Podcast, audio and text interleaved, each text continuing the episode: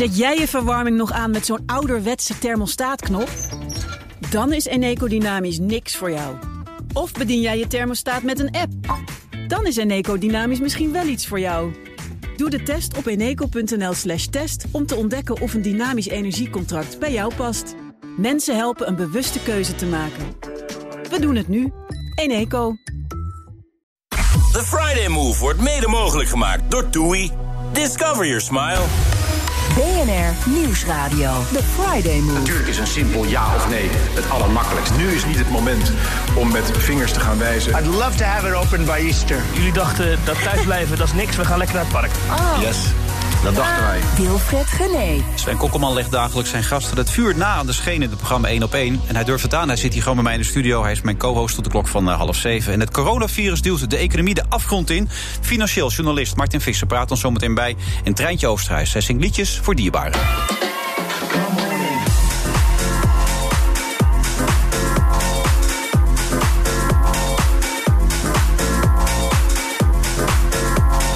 En hij is gelukkig ook aanwezig, DJ Thomas Robson. Ik weet eigenlijk niet, kan dat eigenlijk op afstand, eh, muziek maken eh, in deze situatie? Of moet je echt aanwezig zijn? Je kan niet praten, maar je kan knikken.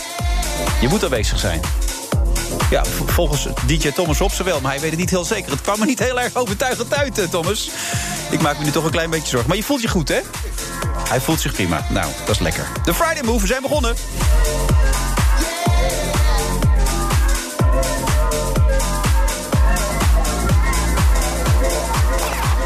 En Sven Kokkelman, goed dat je er bent.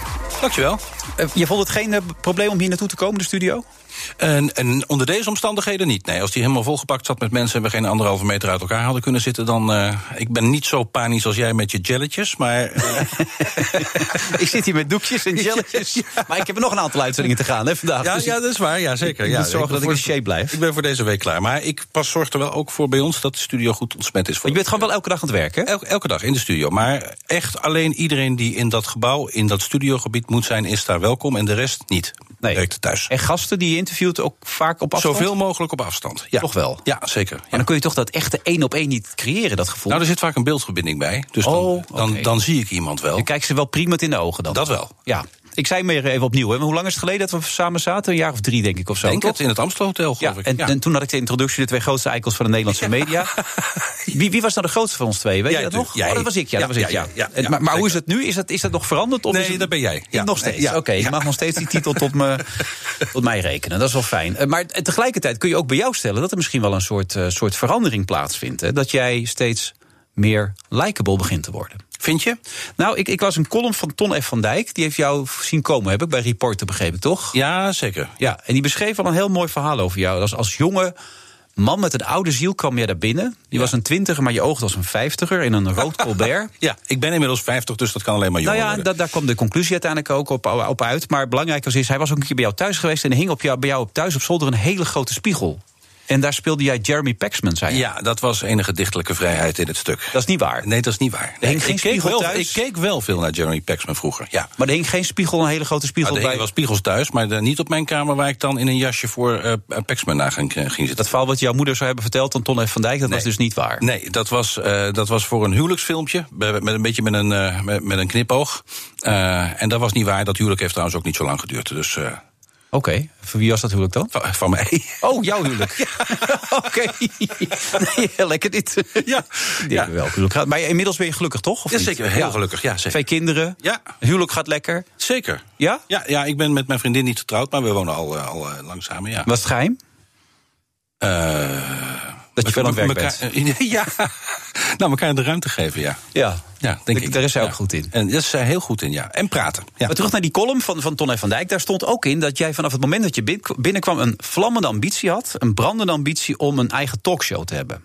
Een interviewprogramma, ja. Nou, hij, hij kwam echt uit op een talkshow. Op een talkshow. Zeg maar nou, meer ja. à la Jinek, à la Pauw, dat soort zaken. Daar kwam het een beetje op neer. Ja, nou die, die ambitie was toch meer een, een, het, het confronterende interview, zal ik maar zeggen. Omdat ik dat, uh, to, toen ik een jaar 15, 16 was... we zijn ongeveer even oud, toch niet? Ja, we schelen twee jaar. Ja, zoiets, ja. ja. Toen kon je net in Nederland de BBC ontvangen. Uh, en uh, ik zat elke ochtend uh, BBC Breakfast News te kijken. En dat werd toen gepresenteerd door Jeremy Paxman. Dat in de ochtend. serieus? Op die leeftijd deed Ja, je dat? ja, ja, Oké, zeker, je had ja. geen vrienden zeker al? nee, nee, nauwelijks. Nee, nee. Heel goed. maar ga door, je zat er te kijken en dat toen inspireerde dacht- jou. En, ja, ja. En, en toen wist ik al dat ik eh, eh, journalist wilde worden, televisie- en radiojournalist. En, ehm, eh, en die manier van interviewen, sowieso, dat Britse debat. Ik volgde toen de Britse politiek. Ja, ik was een beetje een raar jongetje. Maar eh, eh, dat vond ik eh, geweldig. En ook de manier waarop die interviews gingen. Dacht, ik, zo moet dat. En in die tijd hadden we in Nederland ook nog hele scherpe, confronterende interviews. Ik bedoel, de jaren tachtig, Ad Langebent, zegt Oh ja, ja, ja, wat. die- ja, ja. Van Meekeren. Oh, Jaap Eh, natuurlijk ook, ja. Maar zeker, Karel van der Graaf. Ja. Eh, Ja, dat met, waren met de legendarische uitzending natuurlijk toen er een pistool Heren, getrokken heren, werd. heren, ja. Ja, als dat niet gebeurd was, was die talkshow trouwens geschrapt geweest, heeft hij me wel eens verteld. Oh, oké. Ja, maar die, die deed dat wel goed. Hij kon trouwens ook geweldig commentaar geven bij, eh, dat, hoe heet hij, op die fietsjes, eh, die mountainbikejes. Daar gaf hij ook commentaar bij. Dat deed hij echt geweldig. Maar Ja. als interview deed hij het ook hartstikke goed. Dus toen bestond die Maak er nog voor, zeg maar. Nou ja, toen was dat wat meer gebruikelijk dan tegenwoordig, ja. Ja, maar. Jij bent eigenlijk de enige die dat nog een beetje doet, toch? Nou, jij toch ook? Ja, bij mij is het anders. Bij mij is het een beetje frivoler, toch? Over het algemeen. Ja, dat is waar. Ik ja. houd het wat losser. Jij probeert het altijd in een serieuze sfeer te houden. Nou ja, ik probeer het zo feitelijk mogelijk te houden, ja. Ja, nou daar neem ik nog wel eens een loopje mee. maar het moet ook een beetje ontspannen blijven zo nu en dan. Vind je dat dan Ja, niet? ja nee, maar zeker. En ik heb helemaal niks met eh, tegen ontspanning of tegen andere eh, genres in dat interview. Of in talkshowtafels of licht, li- lichtere varianten. Eh, ik vind alleen dat wat ik doe er ook moet zijn. Ja, absoluut. En je hebt er ook wel eens bij gezegd, en dat is ook mijn motto... je hoeft niet aardig gevonden te worden, je moet goed zijn in wat je Ja, dat vind ik. Ja. Ja. En het is ook nooit zo geweest dat als mensen je weer eens een lul vonden... dat je dan mee met een rotgevoel door naar huis toe ging. Nee, ik ben op een gegeven moment wel, ehm, eh, toen ik eh, die series Oog en Oog maakte, heb, ben, heb ik Twitter gelaten voor wat het was. Ehm, omdat ik op een gegeven moment een beetje moedeloos werd. Dat ik dacht, ik, moet, ik heb het nou al zo vaak uitgelegd dat het niet per se mijn eigen mening is. En wat ik daar zit te doen en waarom. Ja, scoren werd het genoemd. En Ja. goedkoper mensen benaderen en kapot Ja, maken. en, en alleen maar kapot maken, bij de enkels afzagen. Terwijl Ja. het eigenlijk alleen maar het toetsen van die argumenten was en kijken of iemand de waarheid sprak. Ja. Dus ehm, Maar dat is een onderdeel van je vak, dat hoort er dan bij. Maar je deed dan toch even Twitter-account uit op dat moment. Ja, omdat het. Ik m- mensen die een strontkar over je uit willen rijden, doen dat daar. Ja. Eh, en mensen die het geweldig vinden, doen het daar wat minder. Over het algemeen. Op dat Twitter. Dus toen dacht ik, ja, wat heeft dit eigenlijk voor. Maar blokkeer je die mensen ook? Ontvolg je ze? Nou, ik ben gewoon gestopt. Ik heb, ik heb nog wel een account, geloof ik. Het wachtwoord ligt ergens bij de KRO en CRV. Ik heb geen idee, maar. Heb je dat wel ik, eh, gedaan, ontvolgen of blokkeren? Nee, mensen? nee dat, dat, dat ook weer niet. Nee. Ten- Tenzij eh, op het moment dat mensen echt fysieke bedreigingen gingen uit of anderszins, dan, eh, dan gaf ik dat door en dan eh, ging dat ook richting eh, het gezag. Maar dan komen we dus op die leeftijd uit. Je was toen een twintiger, die oogde als een vijftiger. Toen werd je een dertiger, een veertiger. Maar je werd nooit weggekocht, zo schreef ook deze columnist... door Nieuwshof, Buitenhof. Dat, moet een soort frustratie bij hebben gezeten. Is dat zo? Dat je het gevoel had dat je niet helemaal hergezien en gekend werd? Mm, Nee, omdat ik toetrek. Toen ik, ik ben onderaan begonnen. Eh, ooit eh, bij een krant als stagiair. Bij de krant op zondag nog als eh, bijbaantje naast mijn studie. En, en later bij, bij televisie. achter het nieuws ben ik begonnen. Later naar de KRO gegaan, via de Icon nog. Dus ik, mij is altijd ingepeperd. Leer dat vak nou, begin onderaan. Dus Ja. ik ben gewoon bureaudirecteur geweest. Daarna verslaggever, politiek verslaggever. Eh, en daarna mocht ik pas gaan presenteren. Ja, maar tegelijkertijd oogde hij al ouder dan je eigenlijk was op dat moment. Dat is het verhaal wat hij steeds probeert duidelijk te maken. Ja. Een jonge man met een te oude ziel. Ja. Maar eh, dat, dat ontwikkelt zich. Nu ben je 50. Is nu het moment om echt te gaan oogsten voor jou dan? Of heb je het gevoel dat je geoogst hebt? Of gaat het nu pas beginnen eigenlijk? Omdat het nu met elkaar eh, correleert, zeg maar. Je bent nu 50 Ja. en je hebt die uitstraling van een oude Nou, man. ja, ik- Bij een oudere man, laat ik het zo stellen. Ja, sorry. Eh, nou, ik heb natuurlijk al wel wat neergezet. Ik heb al wel wat geoogst, vind ik zelf. Ehm, eh, ik hoop alleen wel dat er een vervolg komt. Ik, bedoel, ik maak elke dag eh, met heel erg veel plezier dat radioprogramma. Eh, daar wordt ook goed naar geluisterd. We maken veel nieuws. eh, we krijgen de goede gasten. eh, dus dat doe ik met ontzettend veel plezier. Maar het is geen geheim dat ik zoiets ook weer op televisie zou willen doen. En waar ligt het aan dat dat nog niet het geval is dan? Nou ja, omdat ik daar niet zelf over ga. Nee, maar ze weten toch wat je ambitie is en wat je, wat je kunde is. Ook, ja, wat je zeker. kan. Ja, maar eh, eh, daar, zitten, daar zitten meerdere mensen eh, die daarmee te maken hebben. Maar oog en oog zou je heel graag weer op tv willen Ja, maken. of één op één, hoe je het dat wil noemen. Maar een Ja. een één op één gesprek, juist in deze tijd, waarin er een zo ongelooflijk Fake veel... nieuws, dat soort dingen Fake allemaal. nieuws, Ja. eh, en er komen weer verkiezingen aan. Zoiets zou ik heel graag weer doen, ja. En eh, je likability, is dat er nog een, eh, gaat, dat een speelt, gaat dat een rol spelen, denk je, of niet, eh, in die keuzes? Nou ja, mij is verteld dat dat wel een rol heeft gespeeld toen Eva Jinek wegging. bij, bij haar vervanging. Overigens niet bij de variant zoals die nu is met op 1. Mhm. Op NPO 1, want daar doet de KRO-NCV niet aan mee. Maar in het traject daarvoor wel. Ja. Ehm, eh, Je was geen optie omdat je niet likable genoeg was. Daar kwam mij, dat neer. mij is verteld door, door de leiding van, het, van de omroep waar ik werk... dat de NPO-leiding of de channel manager mij niet vond passen bij het profiel van dat programma. Ja, omdat ik niet likable genoeg zou Ja, het grappige is dat Angela de Jong daar onlangs op terugkomt. En die komt later in deze uitzending nog. Ja, Daar ga ik wel verder op door. ja. En die zei onbegrijpelijk. Een man met zoveel autoriteit en gezag daar niet neerzetten. Nou, dat is heel fijn om te horen. Ja, en het grappige is om het interview nog even, of die column nog even te beëindigen. Uiteindelijk schrijft deze Ton F. van Dijk ook. Hij is nu inmiddels 50 en hij mag zich nu de beste interviewer van Nederland noemen. Hij is nu de nieuwe Nederlandse Jeremy Paxman. Hè? Dat beschouw ik als een groot compliment, zeker uit zijn mond. Ja. Doet het je wat ook, zoiets? Ja. Nou, zeker ook uit zijn mond. Want hij is natuurlijk journalistiek gezien een van mijn leermeesters geweest. Toen ik bij Reporter bij de KRO binnenkwam toen... was hij al bezig met die Brinkman-affaire... samen met Steven de Vogel ons helaas veel te vroeg ontvallen. Dus, dus dat, dat, dat zoeken naar de waarheid, dat die heilige missie... eh, als er één is eh, in de journalistiek, dan is hij het wel... die dat eh, tot in extreme heeft. Nou, dat is mooi om te horen. Dan zit ik hier dus met de beste interviewer van Nederland. Dan gaan we er een topshow van maken, Sven. Geweldig. Maar er wordt wel gelachen hier in het programma. Denk erom, hè? Zeker. Mag Ik- dat? Maar, ik- zeker. hè, Oh. dat ik, ja. Bovendien bepaal ik dan nog natuurlijk in deze situatie. hè? Dus er wordt gewoon gelachen vandaag in deze uitzending. We zijn er zo weer na de ANWB. Ja, die muziek heb jij er ook niet bij waarschijnlijk, eh, Sven, hè, deze? Nee. Nee, dat is onze DJ, Ik heb ook geen DJ in de studio. Hey, DJ Thomas Robson. Ik heb Dries, ja zeker. Oh ja, Dries heb je ook nog natuurlijk. Oh, dat is natuurlijk die komische noot die jullie erin hebben, dat hoor. Nou, eh, komisch, ja soms. maar vaak ook gewoon hoe, hoe mensen in de straat dat nieuws beleven. En dat is, dat is Dries. Eh, ja, en hij, ja, vind ik wel. Ja, hij spreekt ook met, met andere mensen die, eh, die ik spreek. Trouwens, een, eh, een, een corona-versie van zijn lied Mijn Mooie Nederland gemaakt. Oh ja. Ondersteuning van, van alles en iedereen die nu zich het Lazarus werkt in de zorg. Alle ondernemers die in de problemen zitten. Die we nog een stukje aan, van laten horen. Er zijn nogal wat problemen voor heel veel mensen natuurlijk. Ik zag trouwens ook een interview met Dries van de week in de Telegraaf. Die houdt het ook nog maar een aantal weken vol, zei hij zelf. Ja, hij, heeft geen, hij heeft niks meer. Dat, hij heeft in de zin van geen optredens meer. Nee, maar hij zal toch wel een buffertje hebben gebouwd? Of Ik hoop het wel. Die PC Hoofdstraat is natuurlijk wel kostbaar allemaal om daar te willen wonen. Maar Ja, nou, hij heeft een, eh, zijn vrouw eh, die eh, bij een kledingzaak... Die werkt bij Auger, ja, ja. bij- ja, ja, dat mag je hier noemen, hè, geloof ik. alles mag je hier noemen. Ja, ja. Eh, en die is, eh, mag je ook gewoon Die gaat goed, eh, die gaat, als het goed is, goed om met de cent, heb ik wel eens begrepen. Oké, nou, ik hoop voor hem dat hij eruit komt. Maar heel veel initiatieven op dit moment. Eh, wat, wat, wat vindt u jou nou een van de meest hartverwarmende initiatieven die je voorbij ziet komen op dit moment? Nou ja, ik, ik ben nooit zo van stille tochten en, eh, en, applausmachines en zo. Maar ik vind eh, op zichzelf de waardering voor al die zorgmedewerkers die zich nu echt 24-7 het Lazarus werken. eh, terwijl ze toch eh, de afgelopen jaren niet per definitie de waardering hebben gekregen die ze verdienen. Eh, en die IC-artsen, ik heb zelf ook in mijn, mijn eigen omgeving wel eens meegemaakt dat iemand daar lag. Ik heb echt grote, grote, grote mate van waardering en respect en bewondering voor die mensen die dat werk doen. Hoog opgeleide verpleegkundigen. Ja. Eh, buitengewoon prettig in de omgang. Heel eh, empathisch, maar, is- maar ook eh, eh, soms zakelijk, als het Ja. moet.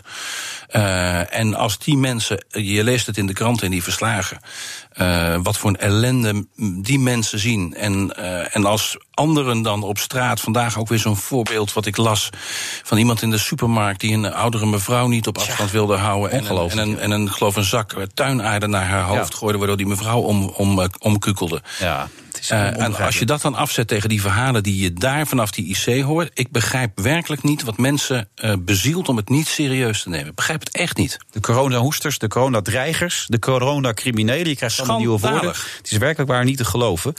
Eh, ik trouwens zojuist nog weer een heel mooi initiatief door die met mensen speelden mij. donerenmondkapje.nl. Dat zijn mensen die particulier die proberen ook geld in te zamelen om mondkapjes naar Nederland te halen. Dat vind ik toch wel knap dat ook particulieren er allemaal mee bezig zijn. Hartstikke goed. En ook de artiesten waar je het over had, Dries Roelvink, maar ook Treintje Oosterhuis. Treintje, goedemiddag. Hallo Treintje. Oh, we hebben Martin. Sorry, ik zit nog bij, bij, Treintje Oosterhuis. Oh, Martin Visser. Hoe gaat het? Ja, ik hang wel, ja, ja, ja. ja. Eens een liedje, Martin. Ja, zou ik eens zeggen, kun je een stukje zingen, Martin? Ehm, dat kan ik zeker, maar dat ga ik jou en je luisteraars niet aandoen. Nee? Nou, dan moeten we een keer naar Nee, dat bewaar ik voor het weekend. Vind je het goed? Ja, je klinkt nog redelijk verheugd, maar daar zal geen aanleiding voor zijn als je kijkt naar de economie, Martin. Eh, nee, nee. Ik klink niet vreugd omdat ik nu in een vrolijke show zit. Maar eh, nee, ik moet wel zeggen, ik vind het nieuws van de afgelopen weken erg deprimerend. Ik bedoel, een economische crisis, laten we eerlijk zijn, is voor de journalistiek hartstikke spannend. Maar dit, dit raakt iedereen en mij ook persoonlijk. Dus in die zin, eh, nee, ik word hier niet vrolijk van.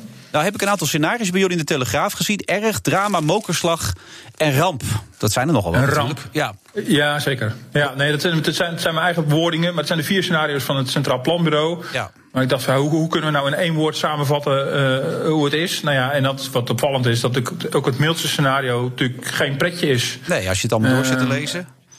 Is het Daar echt word je niet vrolijk van, hè? Nee, nee, in Nederland ging het natuurlijk relatief goed. Eh, een van de beter draaiende economieën in Europa. Ja, en natuurlijk wel, wel duidelijk dat deze crisis er dermate inhakt...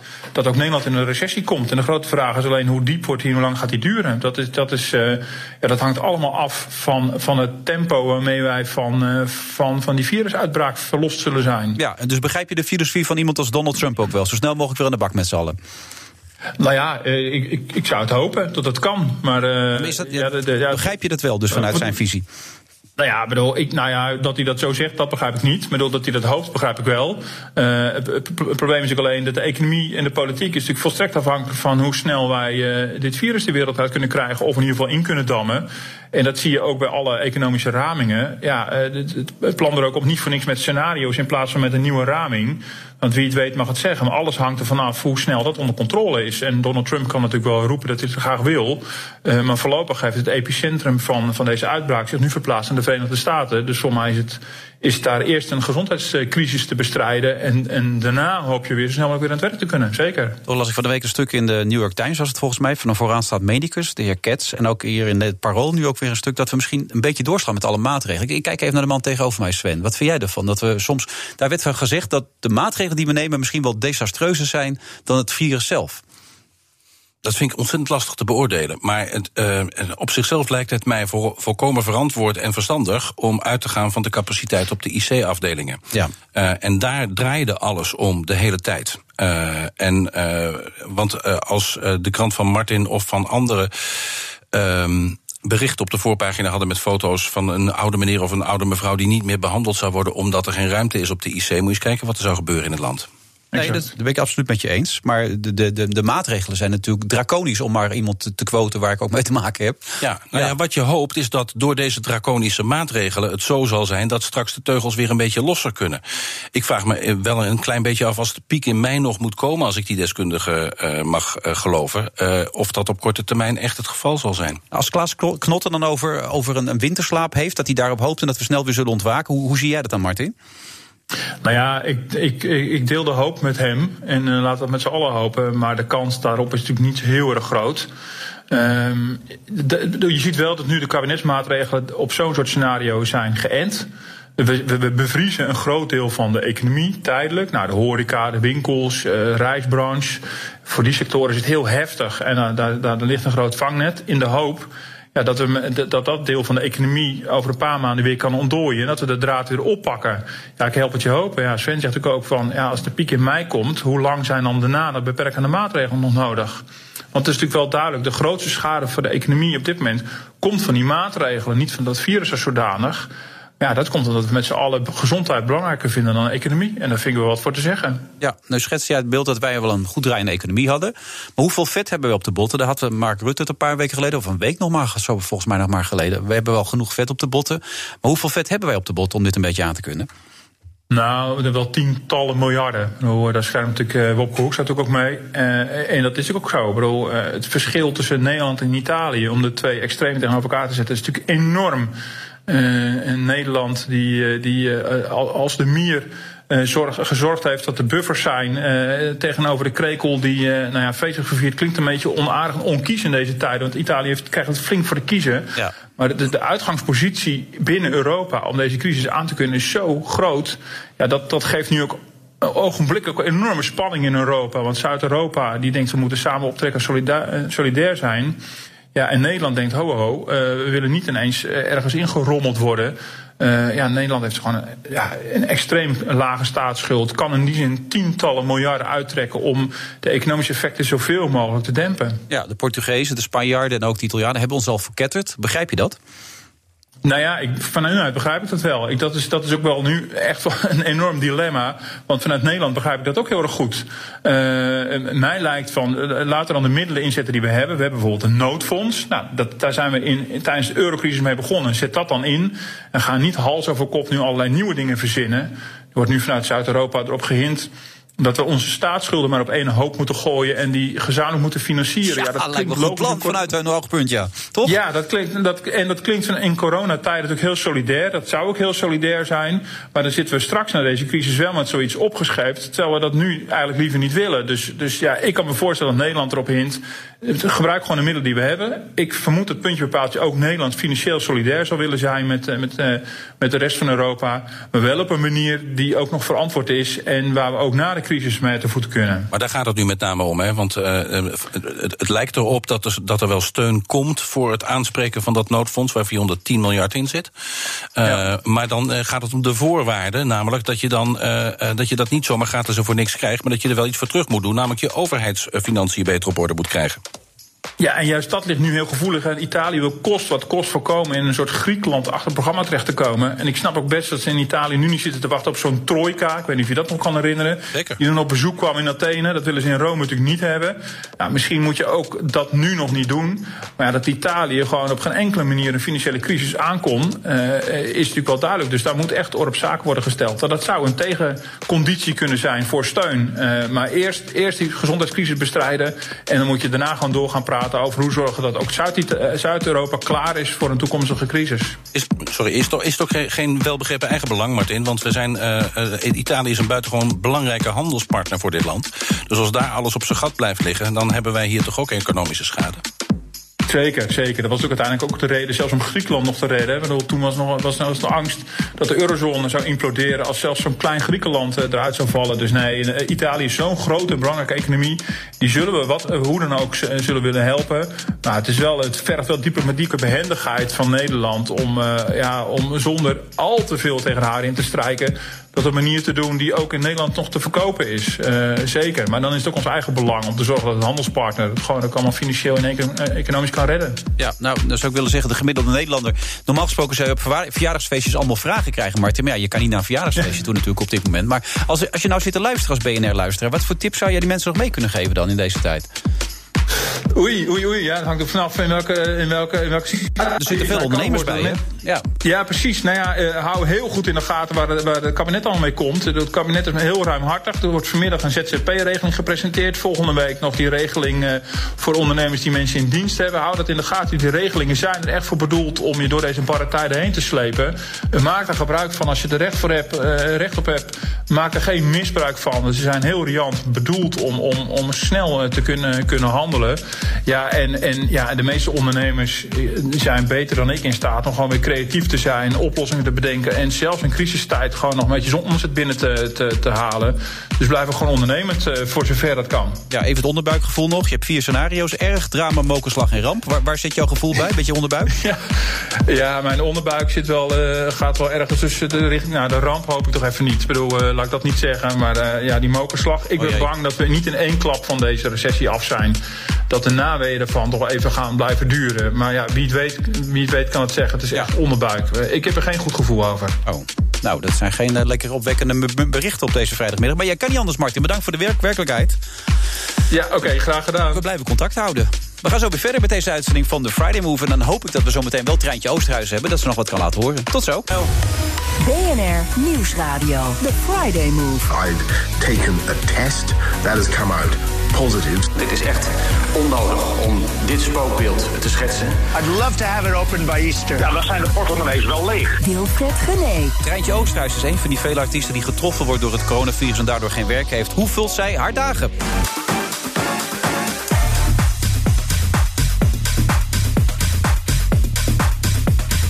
We praten zo meteen ook nog met uh, Ankie van Gunst. Ik zei het al, die woont in Erp, waar uh, het coronavirus echt heeft uh, rondgewaard... en ook een aantal slachtoffers heeft gemaakt. Trieste omstandigheden natuurlijk allemaal. Maar eerst, we hebben haar verbinding nu toch eindelijk voor elkaar weten te krijgen. Treintje Oosterhuis. Treintje, goedemiddag.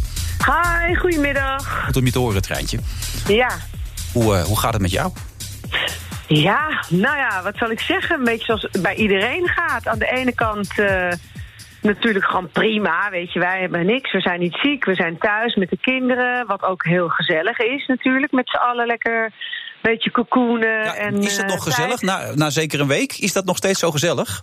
Ja, nou, ik vind het wel. Ja, ik kan het goed hebben. We gaan wel af en toe naar buiten, maar een beetje hè, gewoon heel voorzichtig, een beetje frisse neus halen. En ehm, ja, wij kunnen.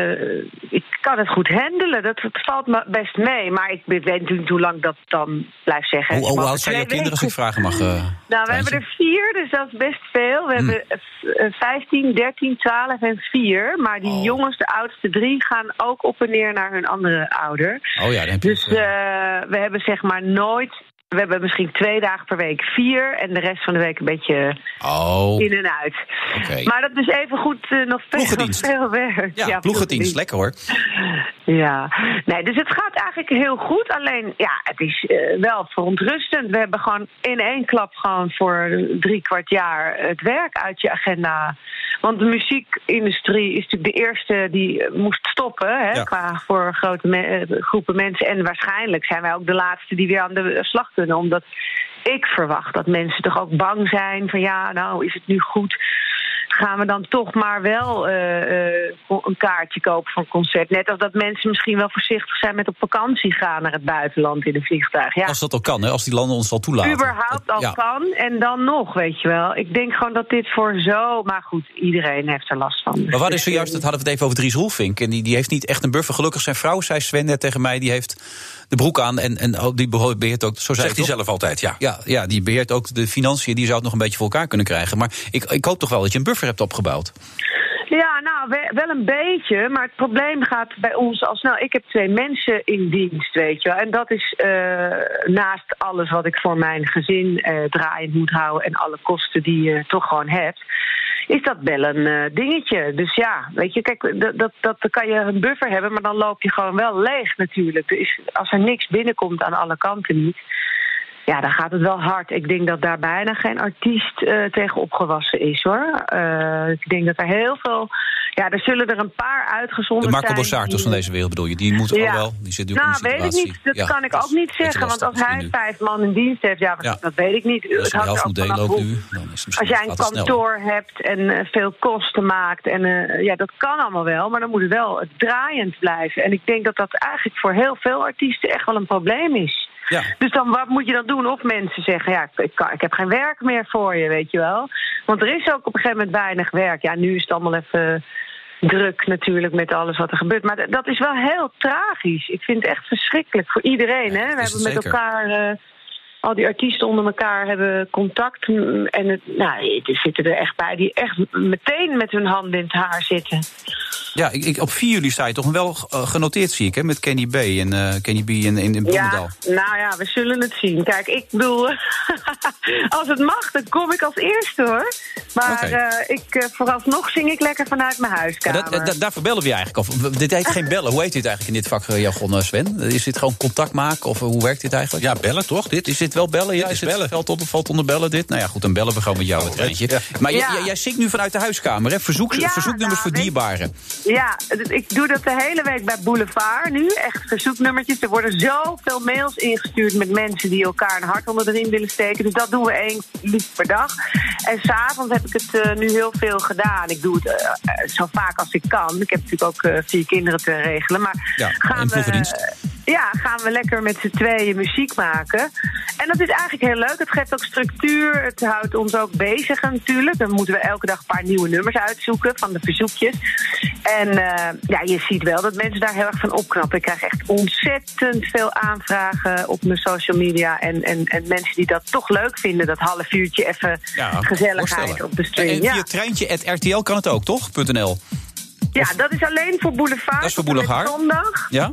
En eh, nou ja, verder gewoon op mijn eigen Facebook en Instagram bijna elke dag. Ja. En eh, het is heel leuk. Ja, het- zolang als we het volhouden, gaan we dat wel eh, met regelmaat blijven doen. Ja, Mooi initiatief, toch? Als je dit zo hoort. Prachtig. Wat is trouwens het ja meest, het, meest levert gevraagde nummer? het levert financieel alleen niks op. Nee? Je kan er niks voor vragen, een eurotje of zo? Of, eh, nee? Niks? Nee, tuurlijk niet. Je doet dat gewoon voor de goodwill. Iedereen is in een soort panic attack. Dan ga je, moet je ook een beetje af en toe muzikale cadeautjes de wereld insturen, vind ik. Maar welke nummers worden meest aangevraagd? Nou, eh, liedjes als eh, That's What Friends Are For. Ehm, jeetje, ja, heel veel. Eh, ook wel positieve liedjes, maar ook wel tearjerkers. Toch wel veel mensen die eh, verdrietige liedjes aanvragen. Of eh, Something Inside So Strong. Maar ik zeg nu ook, jongens, ook het leven moet doorgaan. Weet je wel, ook positieve dingen. Dus er komen ook mensen die dan roepen: Ik ben 100 jaar. Mijn opa is 100 jaar geworden. Wil je een leuk vrolijk liedje doen? Dus heel veel. Ja, maar wel meestal gevoelige liedjes, toch wel. Oké, nou eh, blijf het vooral doen, Treintje. En ik hoop dat het allemaal snel een beetje weer beter wordt. En helaas de Passion dit jaar niet, maar dan volgend jaar de Passion maar, hè? Kan niet anders dan, toch? Ja, nou, dat gaan we zien of ze Ja. me dan weer willen Ja, vragen. tuurlijk, man. Treintje Oosterhuis in de Passion. Wie wil dat niet, man? Geweldig. Nou, ik heb niks te doen, dus je kan me overal voor bellen. Oké, nou bellen we je binnenkort weer terug. Ja? En hoe gaat het bij jullie daar? Ook alles relaxed? Ja, we hebben nog geen eh, ruzie, Sven en ik niet, dus het gaat goed. nou, wat niet is, kan nog komen. Hè? Ja. Succes daar, hè? Nou, pas goed op jezelf, hè, Oké, jongens? groetjes. Oké. Hoi, hoi. Doei. Dag.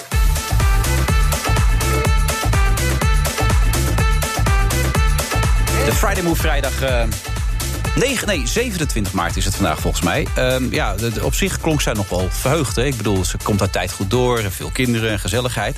Maar je zal in Erp wonen, Sven.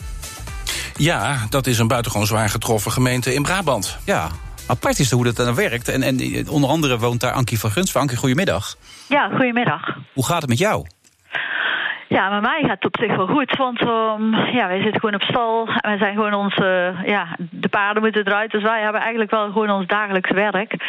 Maar in het dorp, ja, daar heerst wel echt serieuze verslagenheid.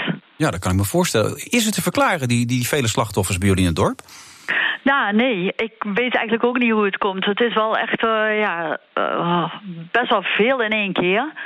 En eh, ja, sommige mensen waren echt al, echt al ziek en ja, oud. En dat je dacht, nou oké, die gaan misschien toch wel niet heel lang meer leven, omdat ze echt slecht zijn. Ja. Maar ja, intussen zijn er ook mensen waarvan je denkt, hm, is die ook ziek? Dus het, ja, het zijn er gewoon het zijn veel mensen. En zeker als je in zo'n klein dorp woont, dan, ja, dan heb je toch, iedereen kent iedereen. Dus ja, dat maakt het toch wel heftiger, denk ik. Maar het carnaval zal natuurlijk ongetwijfeld daar een rol in hebben gespeeld, lijkt mij. Of, of... Ja, dat kan wel zijn. Want eh, nou ja, goed, eh, ja, met de carnaval waren wij ons hier nog niet echt bewust van het coronaverhaal. En eh, ja, mijn dochter had op een gegeven moment ook koorts na de carnaval. Daar hebben wij nog grapjes om gemaakt van dat zal wel het carnavalsvirus zijn. Want iedereen die flink carnaval viert is daarna niet echt lekker. Maar eh, ik denk toch dat het daar misschien wel al begonnen is. En eh, ja, dat dan, kijk, dan hebben de jongere mensen het en dan slaat het over op die oudere mensen. Ja, en die kunnen dat gewoon niet aan. En of het dan met de carnaval te maken heeft gehad, het is in ieder geval wel zo dat het hier in de buurt echt heel heftig is. Ja, jij had net informatie, Sven, ook dat het aan het afvlakken is nu, geloof ik, toch, in Brabant? Ik had eh, Bart Berden gisteren in mijn uitzending. Dat is de bestuursvoorzitter van het Elisabeth II Ste- Stedenziekenhuis... en voorzitter van die eh, regio voor acute zorg... of regionale eh, overleg acute zorg, eh, om precies te zijn. En die zei, ja, wij, wij denken, maar hij was voorzichtig... dat de piek, het, althans de top van die piek, nu in zicht is. Overigens legt hij wel ook een direct verband... met het vieren van carnaval. Ja. Ja, nou, ik geloof het meteen. Maar ja, weet je wat ook is? Kijk, hier is natuurlijk, eh, komt het echt heftig binnen. Dus mensen houden zich ook echt gelijk aan alle regels. Eh, je ziet hier mensen die houden netjes afstand. eh, mensen blijven thuis. Eh, ja, in de supermarkt, als je daar al komt, dan... ja, dan Iedereen houdt netjes afstand. Er wordt wel echt gelijk goed eh, op gereageerd. Dus ik denk wel dat als je in zo'n gebied zit, dat je wel heel veel bewuster van bent dat je op moet letten. En iedereen dat ook doet, waardoor het ook wel weer gaat dalen, denk ik. Komen er nog mensen op straat überhaupt, daar in Erp? Ja, er komen wel mensen op straat en in de supermarkt ook, maar je probeert het ook zoveel mogelijk te beperken. En als je gaat, ja, dan houd je gewoon inderdaad je afstand en aan de regels. En eh, ja, dat doen ze wel goed. Maar proef je ook de angst in zo'n dorp als er zoveel mensen zijn overleden? Proef je dat ook? veel, ja, veel mensen toch wel echt eh, ja, emotioneel. En eh, ja, het is een bedrukte sfeer. En natuurlijk, ja, tussendoor, je gaat niet de hele dag in de put zitten. Maar als je met mensen praat, ja, dan is iedereen toch wel heftig onder de indruk. Nou, dat kan ik me heel goed voorstellen. Olympische Spelen ook niet door. Dat is heel logisch, toch? Hoe moeilijk ja, het voor sporters ook is. Ja, dat, dat kon echt niet doorgaan. Ik denk, ik vind het niet meer dan normaal dat het een jaar uitgesteld wordt. Want eh de sporters leven in onzekerheid. Je weet niet wat dat virus gaat doen. Je kan ook niet over vier maanden volgens mij zo'n groot evenement alweer gaan organiseren. Dat, ja, dat, nee, dat, onmogelijk. Maar toch hebben we een aantal sporters, Henk Krol, uh, Epke Zonderland... die eigenlijk uh, aan hun pensioen zaten te denken... die moeten nog een jaar door. Hoe, hoe moeilijk is dat, uh, Ankie? Als je toch nee, nog... gewoon even doorzetten. Oh, Als je topsport bent, dan kan je daar wel... Sven Kramer tekent toch ook voor twee jaar bij nu? Ja, daarom. Ja, maar die wordt wel goed voor betaald. En dat geldt niet voor die andere gasten. Nee, dat is waar. nou ja, nou, als jij een doel hebt, dan even uitstellen is even niet erg. Even pauze en dan gewoon weer door.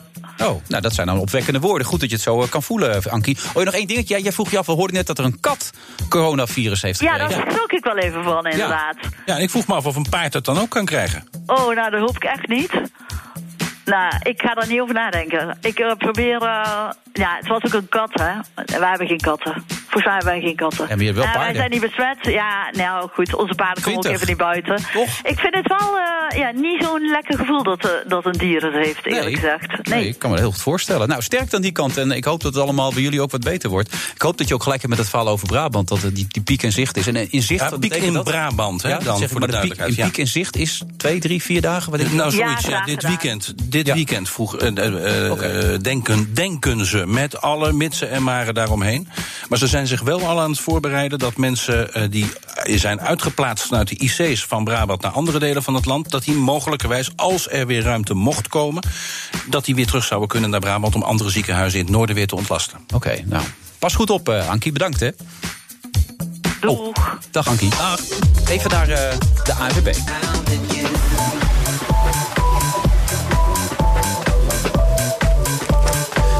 Vrijdag 27 maart. We zitten hier gewoon samen in de studio. Sven Kokkelman en ondergetekende Wilfred. En natuurlijk ook onze eigen DJ Thomas Robson. Op zich heel gezellig. Normaal gesproken met veel publiek, veel gasten. Maar dat kan voorlopig even niet. We hebben zelfs Cor er niet bij. Alhoewel Cor heeft vorige week ingebeld. Onze vaste aanwezig altijd bij elke show. Cor komt door elke show. Heeft, Cor jou wel eens uh, met een foto op de foto? Ben je met Cor op de foto gegaan? Ik geloof het niet, nee. Je hebt ook geen boek uitgebracht, hè? Ik, nee, nee. Cor heeft altijd een boek van de gasten bij zich. En dan vraagt hij een handtekening en een foto. En nou, als het rolletje dan vol is, dan helaas, dan, dan kunnen ze niet allemaal op de foto. Maar over het algemeen. Welk jaar kom jij op?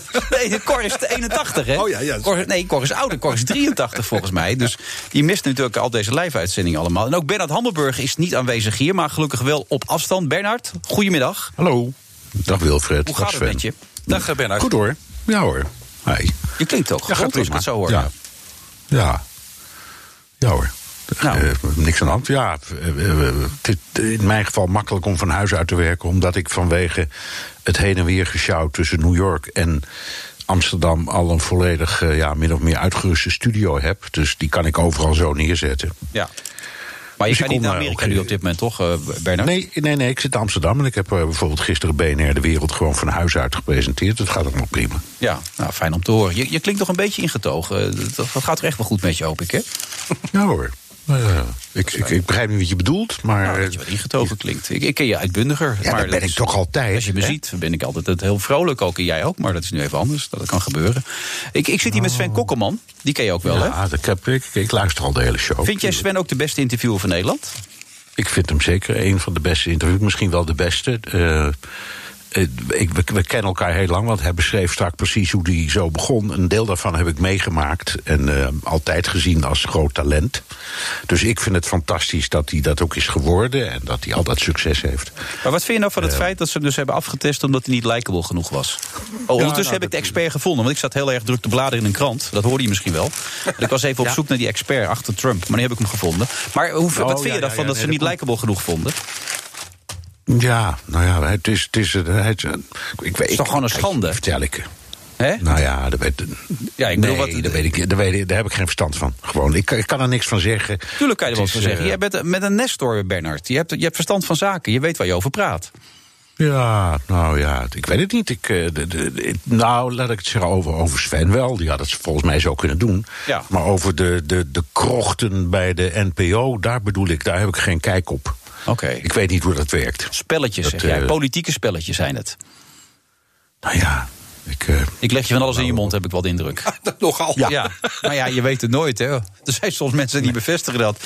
Anderen laten lopen. De expert achter president Trump houdt de zaak nog een beetje in het gereel, heb ik begrepen. De heer Fauci, Fauci hoe zeg je ja, dat? Ja, Fauci, dat is, ja? Een, dat is interessant. Het is een arts die, die, die al uh, adviseur is voor Amerikaanse presidenten sinds Reagan. Dus die heeft er een heel stel versleten. Zo? Hij is ook al 79, hè? Ja, en, eh, en dat, nou, die, die, die begon dan in, in 81. Maar goed, die heeft al die jaren zit hij er al. En ehm, die, die, ja, dat is, de, is een van de experts. En overigens ook niet zo'n uitgesproken man in het algemeen. Dat is die man die voortdurend uitlegt... je kunt het beter over een wat langere periode uitspreiden... in de hoop dat je wat minder dooien krijgt. Hè? Dat is, Hij is een van de mensen die die theorie enorm aanhangt. En daar dwars doorheen, maar daar hadden jullie het eerder in de uitzending... ook al over met Martin. Daar komt dus Donald Trump die uh, vast besloten is, echt vast besloten Ja. is. Want hij heeft, hij Pasen toch, of niet?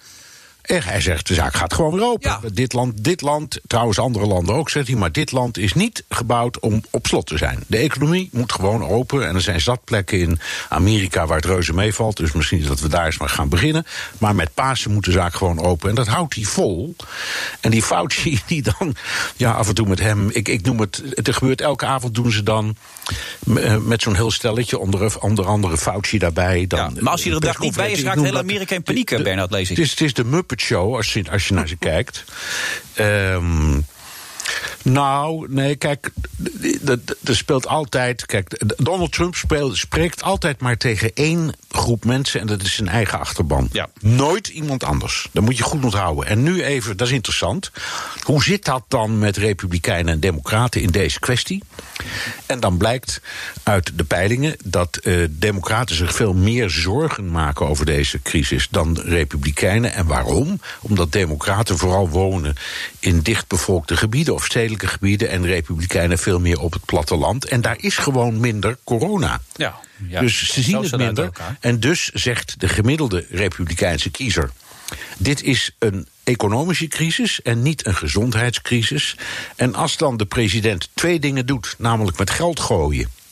Om mensen een, eh, een, een beetje te helpen. En zeggen: jongens, kom op, zeg. We gaan gewoon weer open. Ja, dan is hij helemaal hun held. Dus hij speelt ook een politiek Maar spel. die mensen zien ondertussen toch wel, ondanks het feit dat zij er zelf niet door getroffen worden, dat Amerika op dit moment de brandhaard is. Als het Dat kan wezen, maar er zijn, er zijn dan nu, ik geloof, 1100 mensen overleden in de Verenigde Staten. Op een bevolking van 320 miljoen valt dat ook allemaal nog wel weer mee. Hè? Nou, ik kwam, kwam net met het verhaal met die deskundige. Hè. Dat, dat was eh, meneer Ketz, eh, die had een heel artikel geschreven in de New York Times. Nu ook een aantal Nederlandse wetenschappers. En ik zie ook Kees de Kort die dat gewoon roept. Gooi die Kees economie weer Kort open. een- Ja, gooi de boel open. De case is daar één van. Er zijn er meer. Dus een- Trump staat daar niet alleen in. Nee. En, die, en, Kees en de Kort, redenering, Trump.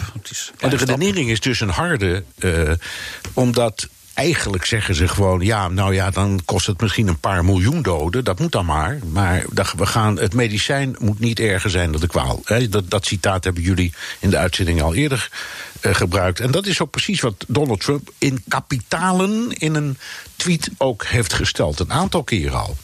Maar denk je dat hij dat volhoudt, Bernard? Op het moment dat in eh, de stad New York, jou zeer wel bekend, want je hebt er goed gewoond, eh, of lang gewoond. Eh, Ik woon er nog. Ja, je woont er nog. En, Ja. en jouw zoon ook trouwens. Hoe is het Ja. met hem trouwens? Ja, die, goed, die, die, die, die werkt zich helemaal rot. Want die, die, is, die werkt heel veel voor de ARD, de Duitse televisie. En die is dus de ene na de andere reportage aan het maken voor de ARD in dat uitgestorven New York. En dat, zijn, dat zijn soms hele aparte beelden. En dan soms ook hele mooie en ontroerende dingen.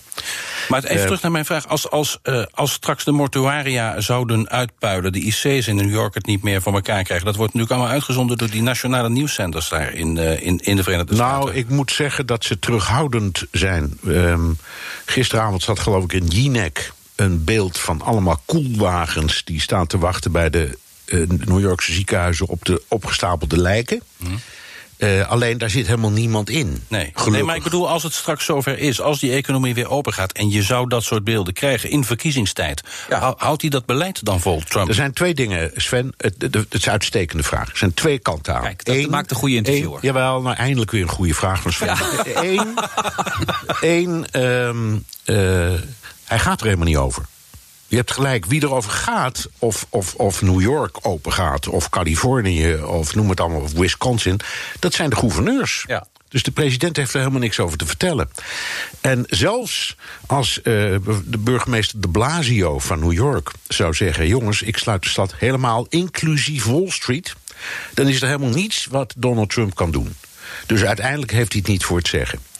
Nee, maar het kan toch wel invloed hebben op zijn, op zijn eh, verkiezing. Dat is wat je ook een beetje refereert, Ja. Sven, volgens mij. Wat, hij kan hier toch ook alles verspelen op dit moment, zoals hij het nu doet. dat is de vraag. Want nogmaals, denk aan zijn eigen achterban. Ja, maar als die die beelden te zien krijgen waar het nu net over gaat... als je uitpuilende lijkwagens gaat krijgen... dan, dan gaan die mensen toch ook wel om. Ja, oké, goed. Maar ik, eh, zo apocalyptisch denk ik niet. En ik hoop jullie ook niet. Er gaan echt geen uitpuilende lijkwagens komen, hoor. Maar zelfs als dat wel zo zou zijn, laten we het spel maar even spelen. Dan nog denk ik dat hij behoorlijk sterk blijft staan bij zijn eigen achterban. Alleen die eigen achterban is net ruim een derde van het electoraat. En twee derde van het electoraat dus niet. En de vraag is of die, ehm, in tegenstelling tot de vorige keer, uit hun stoel zullen komen om te gaan stemmen. Nou, zoiets zullen ze dat toch doen? Dat is Dat toch onvermijdelijk? Dat, ze nu zeggen van ja, maar nu tot zover en niet verder. Ja. Tenzij die economie weer gaat draaien en ze daardoor allemaal weer een beetje door kunnen. Ja, maar de verkiezingen zijn op 3 november, hè? Dus het duurt nog heel even. En ehm, ik behoor dan eh, tot de realisten, hoop ik. Maar ik denk dat tegen die tijd de zaak allemaal weer gewoon draait, hoor. Dan zijn er wel enorme problemen geweest. Maar ik denk dat de ernstigste dan toch wel weer voorbij zijn. En dat is pas het Maar dat is onderbuik, hè, wat je nu zegt, toch? Of? Ja, ja, ja, ja, ja, ja zeker. Oké. Ja, nou, onderbuik. Ik, eh, mm, ja, ja, onderbuik. Ik, ik, ik ben geen wetenschapper. Al die modellen die worden gebruikt nu zijn wiskundig, zoals je weet, en niet medisch.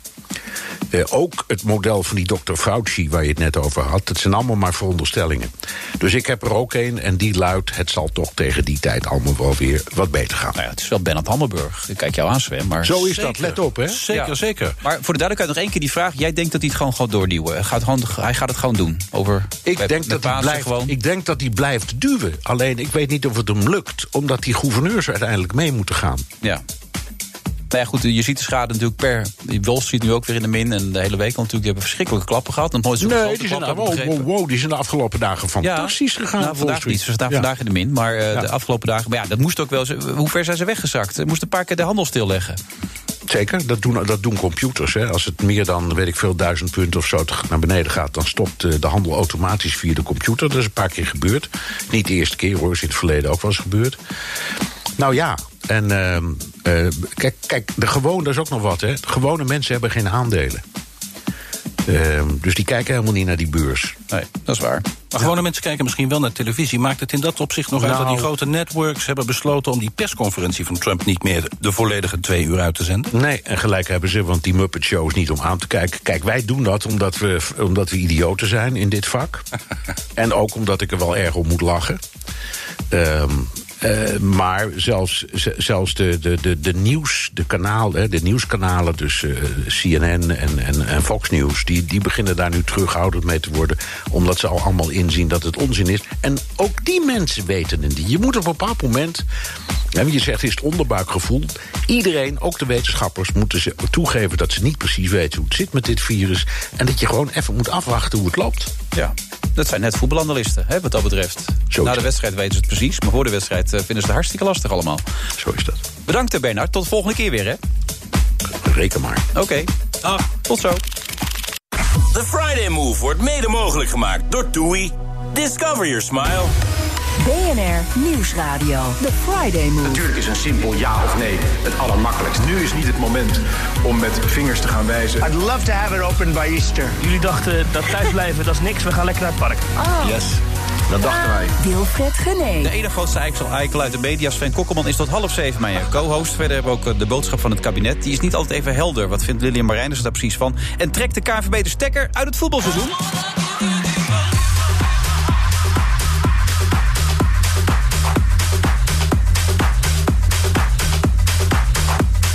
En dan op vrijdag 27 maart in het jaar eh, 2020. Een memorabel jaar, helaas door eh, trieste omstandigheden allemaal. Maar er zijn ook lichtpuntjes. En een van die lichtpuntjes zit tegenover mij, Sven Kokkelman. En dat zeg ik omdat ik nu de column van Angela de Jong voor me heb eh, liggen. En dat is niet zomaar eentje, dat is echt een column die gaat diep, die gaat ver. Ik ga even het los. Terwijl ik zat, gisteren naar Jinek zat te kijken... kon ik maar aan één ding denken. De NPO is gek dat ze Sven Kokkelman niet op, op één hebben gezet. Hij trof me met hoeveel gezag hij uitstraalde. Hoeveel dossierkennis hij paraat had. Hoe hij over zijn vak praatte. Ik luister met zoveel genoegen naar zijn dagelijks, dagelijks programma op Radio 1. Niemand die zo goed een interview kan opbouwen. en daardoor een gast klem kan zetten als hij. Hij durft als een van de weinigen een vraag vijf keer te stellen. als hij vindt dat hij geen of geen bevredigend antwoord krijgt. Maar hij blijft fair en correct. Onbegrijpelijk dat hij is gepasseerd. Dat zijn nogal mooie woorden, Angela de Jong. Over Sven? Ja. Maar die waren ook wel terecht. Ja, toch? Denk ik. Ja. Ja. Ja, de nieuwe gezichten houden zich redelijk staande qua kijkcijfers. Wint op één dat bijna altijd van Jinek. Maar een scherp of bijzonder interview waarvoor ik naar het puntje van de stoel schuif, heb ik nog niet gezien. Nog steeds niet? Nou ja, toen Jeroen Pouder zat zondag, toen Ja. eh, veerde ik natuurlijk wel weer op. Maar goed, weet je, het is ook, het zijn allemaal mensen die beginnen. En ehm, ze doen het, eh, zeker als je naar de kijkcijfers kijkt, hartstikke goed. Ook op dit moment. Maar ik kijk ook zo'n talkshow omdat ik ehm, af en toe even verrast wil worden. En wat ik daar ook schrijf, naar het puntje van mijn stoel wil schuiven. Ja. En ik vind het tot nu toe bij op één vind ik het allemaal redelijk veilig allemaal. En dat tegelijkertijd ben je ook jammer voorzit- voor de publieke omroep. Ja, ben ik met je. Tegelijkertijd ben je ook voorzitter. Je bent eigenlijk de voorzitter van twee fanclubs. Nu die van Sven, maar ook die van Eva. Daar ben je ook natuurlijk voorzitter van. Heb je daar dan Ja, wel een. en vergeet ook niet Rutger Kastrikum. Want dat heb ik zelfs wel eens een keertje geschreven... dat ik voorzitter ben van zijn fanclub. Je hebt dat druk, eh, Angela, wat dat betreft. Ja, maar eh, daarom. heb jij wel een scherp en, eh, interview gezien, een bijzonder interview van Eva gezien hè, de afgelopen weken? Nou, ook niet zo heel veel. Het enige wat ik me eigenlijk herinner is eh, Dirk Scheringa. Daar veerde ik wel bij op. Dat vond je maar scherp dat is genoeg. alweer echt een eh, paar weken geleden. Een Vind, paar vind, maanden je, geleden Sven, zelfs, vind, vind je Eva al in vorm? Ja, maar ik vind dat Eva het heel goed doet. Er zit vakmanschap daar aan het hoofd van die tafel. En eh, in deze coronatijden probeert ze waarschijnlijk ook een beetje rustig. Ja, maar ook voor met de dat nieuws om coronatijd. te- Heb- Maar ze heb- heeft heb je al de toch ook e- wel tamelijk, tamelijk scherp die mevrouw van Roche geïnterviewd, toch? Is Ja, gisteren. Maar eh, heb je al de Eva Jinek gezegd, gezien van NPO 1?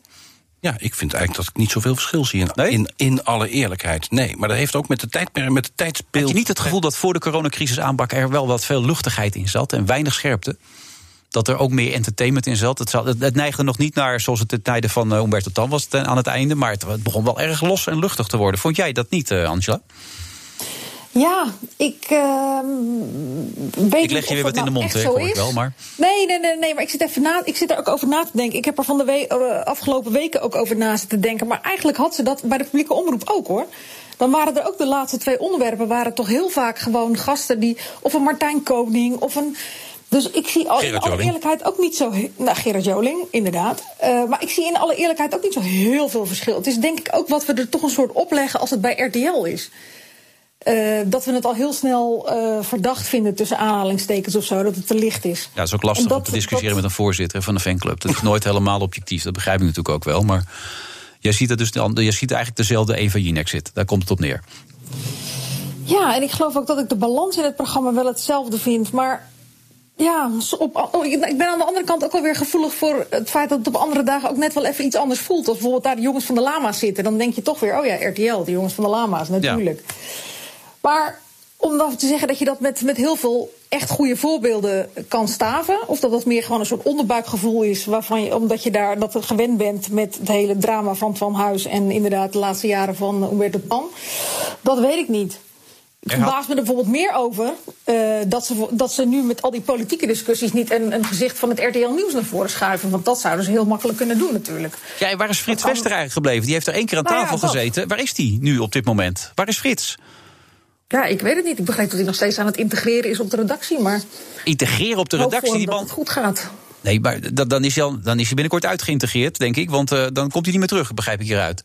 Het is toch heel raar dat we Frits niet op. Sven, leg mij nou, dat even ja, uit. Dat weet ik niet. Ik, ik, ik weet wel dat ik hem toen de Tweede Kamer nog voluit in bedrijf was, een week of twee geleden, dat ik hem gewoon uh, door het Kamergebouw ook aan het werk zag. Dus uh, daar was hij gewoon aan het werk. En ik zie steeds, zo heet Fons, Fons Lampie? Ja. Of zoiets? Of zo, Lampie of Lampie? Maar, geloof ik, ja, met een ja. B. Ja, ja. die zie ik steeds al die dingen doen. Ja. Ik denk, daar moet Frits toch zitten met zijn autoriteit. Of, of ga ik weer te ver? Ik weet niet hoe het zit. Nou ja, het verbaasde mij dat hij daar niet zit. Dat ben ik helemaal met je eens. Ja, nog maar terug. Wie weet laat zijn gezondheid het nog niet toe. Hè? Dat, dat weet ik niet. Ik bedoel, ik heb er niet zoveel ervaring mee met herstellende.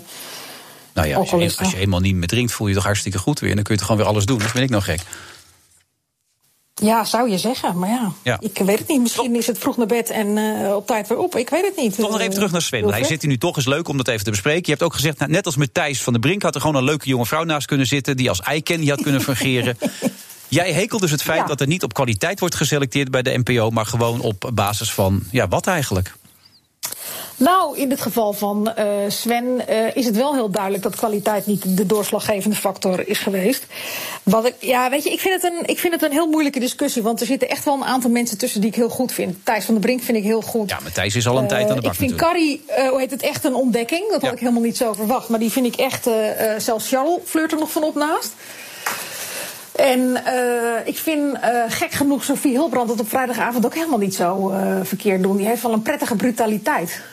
Op de een of andere manier vind ik hem heel leuk naar te Ja. kijken. Maar Sander Schimmelpenning, waar ik heel hoge verwachtingen van had... die blijf ik heel leuk vinden. Maar die vind ik toch net even iets te recalcitrant op die plek.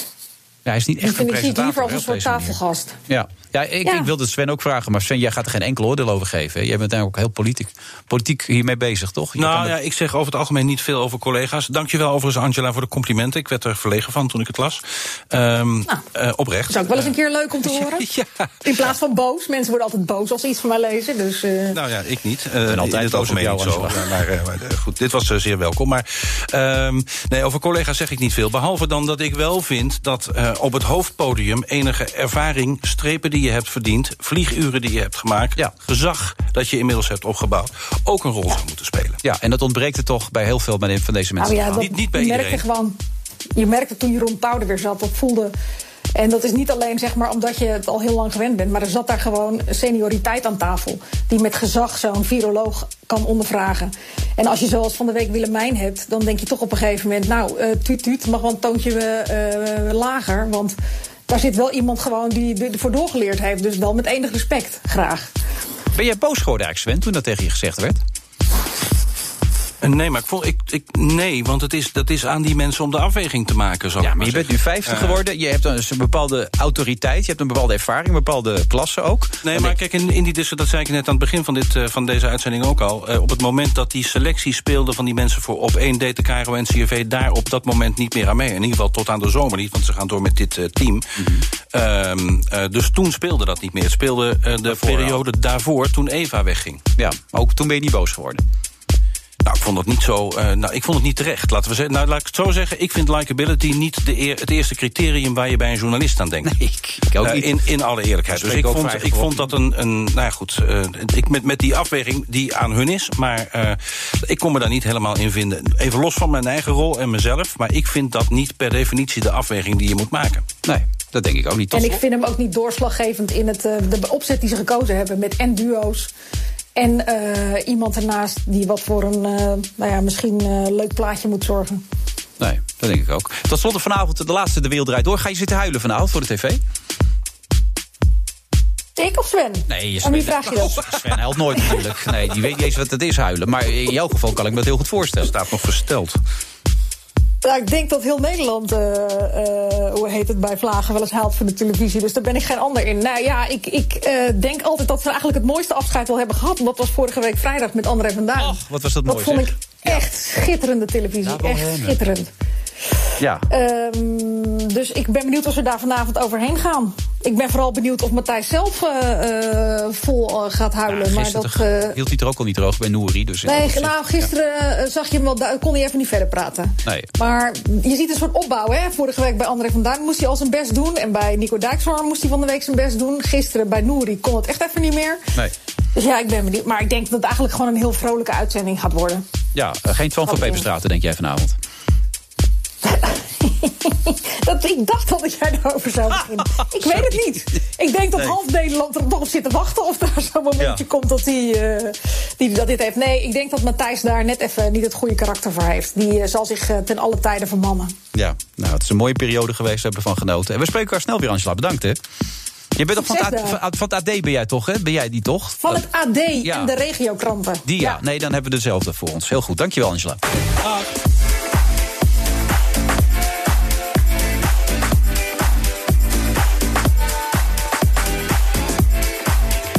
Met de politieke... Wat, wat, wat heeft jouw voorkeur eigenlijk, Sven? Wat vind je nou het leukste onderwerp om over te praten eigenlijk? Welk, welke thema's? Is het politiek, economie, uh, wetenschap, uh, sport? Waar, waar, gaat jouw voorkeur naar uit? Nou, dat, maakt, dat maakt me qua onderwerp eigenlijk niet eens zoveel uit. Ik vind het altijd leuk, het, uh, het leukste om de verantwoordelijke voor een ontwikkeling of om een nieuwsgebeurtenis of weet ik veel wat, de hoofdpersoon uit het nieuws en dan bij voorkeur de verantwoordelijke aan tafel te hebben en om die dan um, te bevragen uh, op, uh, op de juistheid van zijn argumenten. Ja, en dat maakt niet uit op welk terrein dat is. Nee, eigenlijk niet. Dan nee. lees je gewoon goed in. Je, bent nooit, uh, je gaat nooit met een bepaalde onzekerheid erin, zeg maar. Nou, ik, ik probeer me altijd zo goed mogelijk voor te bereiden. Ik, ik zit met een hele kleine redactie, maar die uh, surfen zich kapot op het internet en die printen zich het Lazarus om, uh, om al die rapporten. Al die bomen en, gaan er bij jou doorheen, zeg maar. Ja, die gaan er bij mij doorheen, ja. Oh, ja maar die gaan weer in de recyclebak. Dus oh. dat, wordt, dat wordt allemaal weer gerecycled. Jouw eerste associatie bij Lilian Marijnissen? Uh, de leider van de SP. Ja, dat had ik jou kunnen vertellen. Maar ik, ik, dat, heb je, jij bent meer van het zakelijk, je hebt er geen gevoel bij. De vrouw die um, uh, is opgegroeid in uh, het eerste SP-gezin van Nederland... waar het heilige moeten het hoogst in het vaandel stond, zowel van vaderszijde als van moederszijde. Dus de heilige opdracht om iets goeds te doen voor de samenleving vanuit hun politieke achtergrond, dat lag er daar dermate dik bovenop en nog steeds. Ja, nou, is dat zo goed opgeschreven, Lilian? ik was heel benieuwd wat er zou komen en ik heb met veel interesse geluisterd. Maar uh, nou, ik, ik heb dat zelf niet echt zo. Ik snap wel dat, uh, dat Sven het zegt, maar ik heb dat zelf niet echt zo ervaren hoor. Het heilige moeten, voelde je dat niet zo? Nou, niet dat moeten. Nou, dat heilige, dat, dat, dat, dat al helemaal niet. Maar het, nee, ik heb het nooit ervaren als moeten. Het is ah, wel zo dat ideaal. het Kom, ja, ik, bedoel, ik zat als raar jongetje van 16 naar de BBC te kijken naar de ontbijtshow. Maar Ja, jij zat op je stond op een 16 in de gemeenteraad van Os. Nee, dat is niet waar, want dat mag helemaal niet. Dat mag Ja, pas vanaf je 18e. Nou ja, goed, vanaf je 18e dan. Ondertussen stiekem had je al die Vanaf stemmen binnen. 18e. Ja. Ja. dat klopt. Daar heb je gelijk in. Sophie van Leeuwen, zit jij er ook bij? Hallo Sophie? Of... Ja, ik sta op het ministerie van Sociale Zaken. Oh, je staat te fluisteren, Sophie, sorry. Eh, wat, wat is jouw associatie bij, ja, bij op het Lilian? ministerie van Sociale Zaken. Ja, fluister maar door. Wat is jouw associatie bij Lilian? Nou, dit is een hele lastige verbinding, heb ik wel de indruk bij sociale zaken. Laten we maar snel teruggaan naar Lilian. Hoe gaat het trouwens met je? Je was even thuis van de week, begreep ik, Lilian, toch? Vanwege ziekte. Ja, nou ja, vooral omdat uh, ik natuurlijk midden in die brandhaard, coronabrandhaard zit. Regio Os-Ude-Veghel. Wij Ja. hebben echt te maken met uh, buitensporig veel besmettingen, sterfgevallen en alle corona-ellende. En ja, de opdracht was natuurlijk, uh, als het even kan, blijf thuis. Ook thuis werken. Dus dat heb ik zo goed en zo kwaad mogelijk gedaan. Uh, maar inmiddels zijn de maatregelen die voor Brabant gelden, ja, die gelden inmiddels voor het hele land. En in overleg met de huisarts heb ik toch groen licht gekregen om uh, gelukkig toch weer gisteren naar Den Haag af te reizen. Oh, dat kan dus wel weer. Oh, dat is fijn. Als je nu naar het huidige Ja. kabinet kijkt, hè, hoe ze het aanpakken, wat is jouw gevoel erbij? Nou, mijn gevoel is dat er uh, keihard gewerkt wordt om dit gewoon zo goed en zo kwaad mogelijk als het gaat uh, te doorstaan. Uh, dat geloof ik absoluut. Um, en ja, zoals altijd, er wordt gewerkt onder hele hoge druk. Uh, nou, dat hebben we bij Bruno Bruins uh, heel, heel erg in de praktijk gezien. Ja. Maar ja, ik denk ook niet dat dat raar zou worden. Denk ik ook wel, uh, wel foutjes gemaakt. En dan komen wij volgens mij als Tweede Kamer in beeld. Om toch wel ook juist in deze periode... natuurlijk moeten we elkaar allemaal steunen. Maar de democratie gaat ook door. En ik vind dat is onze rol om wel toch kritisch mee te kijken nu met het kabinet. Wat er allemaal gebeurt en wat er wel, maar vooral ook wat er niet goed gaat. Maar wat zijn laakbare foutjes dan, als je er toch een paar zou mogen noemen? Nou, het meest duidelijke waar het ook zo'n beetje elke dag over gaat, is natuurlijk toch de manier van communiceren. Ja. Dus ja, ik zag dan net weer de persconferentie van Rutte. En die zegt dan toch wel weer heel duidelijk: als je niet naar buiten hoeft, blijf gewoon binnen. Maar dan hebben we gisteren Mona Keizer bij één vandaag. En die zegt: Oh, ga vooral winkelen, ga kleding kopen. Want ja, de winkels zijn nog gewoon open. en het is belangrijk dat dat ook gewoon door blijft draaien. Dan denk ik, ja, een beetje een dubbel signaal volgens mij. En daar is natuurlijk toch wel veel kritiek op. Het kabinet neemt dat ook wel ter harte. Hè. Rutte heeft zelf ook gezegd, nou dat moeten we beter doen. Want dat loopt nog niet helemaal lekker. Uh, dus dat is de communicatieve kant. En ja, gisteren in het debat ging het toch bijvoorbeeld echt wel heel erg over uh, ja, de bescherming van onze zorgverleners. Dat zijn de mensen die het nu moeten doen. Die gaan voorop in de strijd tegen corona. Maar um, ja, ik zie bijvoorbeeld bij mijn eigen buurvrouw, is ook besmet met corona, zit zit nu in quarantaine met het hele gezin. Ja, zij werkt in het verpleeghuis hier in de wijk. Het enige bescherming die ze had gekregen was handschoenen. En een beetje alcohol, daar kon ze het mee doen. Ja, intussen flink wat besmettingen in het verpleeghuis. En ja, ze is ook positief getest, dus ze zit nu thuis. Vreselijk voor haar natuurlijk, maar ook voor die ouderen die toch al geen bezoek mogen ontvangen. Zo terugvallen op de zorgverleners. En voor haar collega's die het gewoon super zwaar hebben op dit moment hier. En nou ja, als mensen zo omvallen en uitvallen, dan wordt dat natuurlijk gewoon steeds moeilijker. En daar is wel veel kritiek op, dat we gewoon dat maar niet geregeld krijgen. Dat die mensen, we sturen ze het veld in. Maar alsjeblieft, het minste wat we kunnen doen is toch zorgen dat ze zich voldoende kunnen beschermen. Zodat ze veiliger werk kunnen doen. Ja. Nou, zelfs dat lukt op dit moment niet. En dat is wel heel verdrietig. Nee, ook, ook het feit trouwens dat er in, in 2016 al gewaarschuwd is door veiligheidsdiensten bij het uitbreken van de pandemie dat we meer IC-bedden nodig hadden. Stoort je dat ook als je dat dan hoort en leest? Ja, nou ja, kijk, ik, ik, ik probeer echt een beetje terughoudend te zijn met in deze tijd van crisis uh, het allemaal politiek te maken en te zeggen van nou, wij hebben altijd al gezegd dat bijvoorbeeld die ziekenhuizen niet gesloten moeten worden. Ja. Um, dus ik vind nu is niet het moment om die discussie te voeren. Nu moeten we het gewoon oplossen, zo goed en zo kwaad als het gaat. Maar ja, ik vind wel echt dat als deze grootste ellende, eerste ellende achter de rug is, dat we dat echt wel met elkaar moeten bespreken. Hetzelfde is uh, ja, dat toch de zorg te veel een markt is geworden. Nu valt iedereen over elkaar heen. Nu het bijvoorbeeld gaat over de ontwikkeling van zo'n vaccin of bijvoorbeeld dat testmateriaal. Ja, nu komen mensen, er lijkt het wel opeens achter hoe vervelend het toch is dat zo'n uh, bedrijf een monopoliepositie heeft en daar toch gewoon primair winst op wil maken boven de volksgezondheid. Ja, ik denk dat is toch eigenlijk geen verrassing. Dat is het idee van de markt natuurlijk. En daarom vinden wij dus ook dat dat in de zorg niet thuis hoort. Maar goed, nogmaals, daar hebben we nu allemaal allemaal niet zoveel aan. Nu moeten we gewoon roeien met de riemen die er zijn. En uh, nou ja, ja deze ellende de kop in proberen te drukken. Ja. Maar als dit voorbij is, alsjeblieft, dan moeten we het erover gaan hebben dan samen. Lijkt me ook. Uh, Sophie, jij bent weer bereikbaar, geloof ik, hè? Ik geloof het ook, ja, hoi. Wat, wat is het laatste nieuws uit de ministerraad? Wat, heb je nog iets eh, meegekregen waarvan je zegt van dat is wel relevant om dat nog even te bespreken hier? Nou, ik sta eigenlijk op het ministerie van Sociale Zaken. En hier is zojuist een uh, noodpakket gepresenteerd voor uh, de kleinere bedrijven. Tot 250 mensen en voor de ZZP'ers. Dat was natuurlijk al aangekondigd, maar we weten ook nu wie dat geld kan krijgen. Dus, nou ja, dat zijn dus de bedrijven die direct geraakt worden door uh, deze crisis. De, de reisbranche door het negatieve reisverbod. Natuurlijk de horeca, uh, ja, de kapper en de nagelstudio, weet je wel, die contactberoepen. Mm. En de evenementenbranche. En ja, daar kan je dan 4000 euro krijgen, mits je uh, kunt aantonen dat je ook een omzetverlies hebt van 4000 euro. Of als je vaste lasten hebt van minstens 4000 euro. Nou, dat is hier zojuist aangekondigd. En natuurlijk ook die uh, ZZB-bijstand die je kunt krijgen. Ook al heb je uh, een huis of een rijke man of vrouw.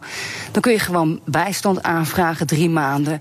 En ze zeiden hier trouwens wel, joh, niet allemaal tegelijk alsjeblieft. Want we, ja, er zijn 1,2 miljoen ZZP'ers in Nederland. Dus als jullie dat nu allemaal gaan doen, dan loopt het vast. Dus even, als je het geld kunt missen nog een paar weken, doe even rustig aan. Je hebt nog tot 26 juni de tijd om of die bijstand of die 4000 euro, dat kan trouwens ook samen op elkaar mm-hmm. gestapeld, om dat aan te vragen. Dus dat is hier zojuist uh, bekendgemaakt. Ja, Hoeveel kunnen ze dan wel in één keer aan? Ja, dat staat me ook af te vragen namelijk. Sorry, wat zei je? Hoeveel kunnen ze dan wel in één keer aan? Ja, dat wordt natuurlijk heel spannend. Uh, dat gaat natuurlijk allemaal vastlopen, zou je denken. Ik, vorige week sprak er ook even de, uh, de meneer van de Belastingdienst over. Van hoeveel uh, ja, ondernemers kun je handelen tegelijkertijd. Ik, natuurlijk gaat dat hartstikke vastlopen, zou je kunnen zeggen. Vandaag beweren ze, we hebben ICT-systemen opgezet, ook bij de gemeentes. Hè, want daar wordt dan die bijstand geregeld. En volgens ons zijn het geweldige systemen. En nou ja, gaan, gaan we volgende, eind volgende week al kunnen uitbetalen. Dat is het idee. Ja, ik vind het ook een beetje optimistisch, jongens. Maar goed, ja. wie weet kun je binnen, binnen een week dus je geld krijgen. Lilian, wat vind je ervan? Nou ja, keihard nodig en heel goed natuurlijk dat er, uh, dat er steun komt. Uh, hopen inderdaad in de uitvoering dat het ook allemaal gaat lukken. Dat wordt nog spannend. Ja. Zelf hebben wij ervoor gepleit om het niet op het niveau van de bijstand te doen, uh, maar minimumloon. Dat is toch wat meer. Bijstand is wel echt het echte bestaansminimum. Dat vroeg ik me af, om je heel even te onderbreken. Want neem een ZZP'er in de bouw met een eigen busje. Ik heb van het Economisch Instituut voor de Bouw begrepen dat die gemiddeld zo'n omzet hebben van 6000 euro per maand. Daar houden ze dan uh, 3500 euro uh, aan over. Bruto aan inkomen, 2500 euro aan netto inkomen. Als je dan terugvalt naar bijstand, maar je moet wel je rekeningen betalen. Je hebt net een huisje gekocht. Hoe, hoe krijg je dat dan voor elkaar? Ja, dat is precies onze vraag. En daarom hebben wij ook voorgesteld, doe het nou minimumloon. Dat is nog niet heel veel, maar dat is in ieder geval wel... ja, dat hebben we ooit bij wet afgesproken, het minimale loon. Daar kun je toch ook nog wat meer gewoon je vaste lasten van betalen. Ook nog enigszins wat bestedingen doen. Dat is voor de economie natuurlijk ook wel prettig. Maar goed, ja, het kabinet heeft gekozen voor, bijstandsniveau. Wij zullen daar nog wel uh, op blijven hameren. Dat we het belangrijk vinden dat dat wat, uh, dat wat omhoog gaat. Precies om de reden die jij, uh, die jij zegt. Mensen die echt gewoon in één keer hun inkomsten naar nul zien vallen ja, die hebben toch wel een groot, groot probleem. Ja, maar tegelijkertijd zullen ze ook bij het kabinet wel aan het rekenen zijn. Want jij zei het net ook nog tegen mij, Sven. We hebben dan wel vet op de botten.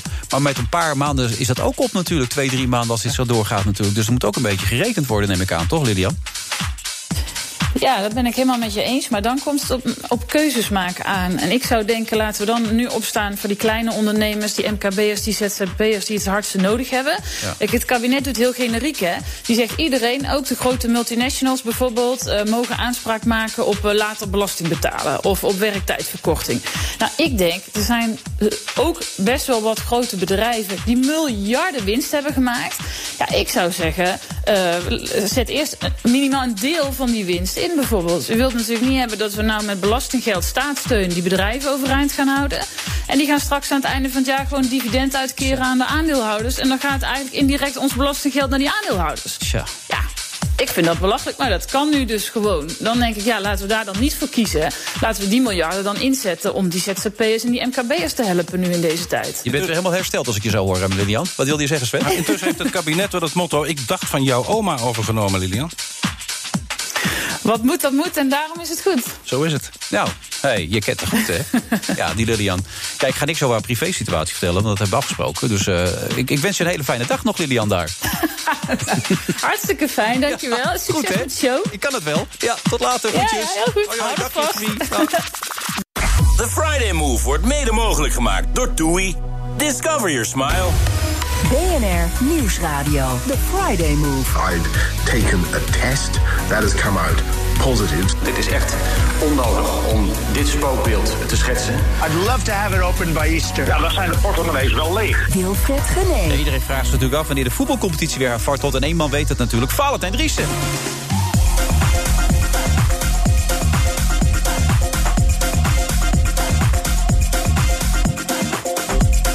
Klein beetje belpen, maar ik ben blij dat Sven Kokkelman erbij zit. Ik had nooit gedacht dat ik het ooit zou zeggen, Sven. Dat, dat, dat ik blij zou zijn dat Sven Kokkelman erbij zit. Maar we, we hebben elkaar tenminste nog in die studio, want verder zien we niemand hier. Nee, hè? nou, de DJ. Ja, de DJ natuurlijk. En die klinkt lekker, DJ Thomas Robson.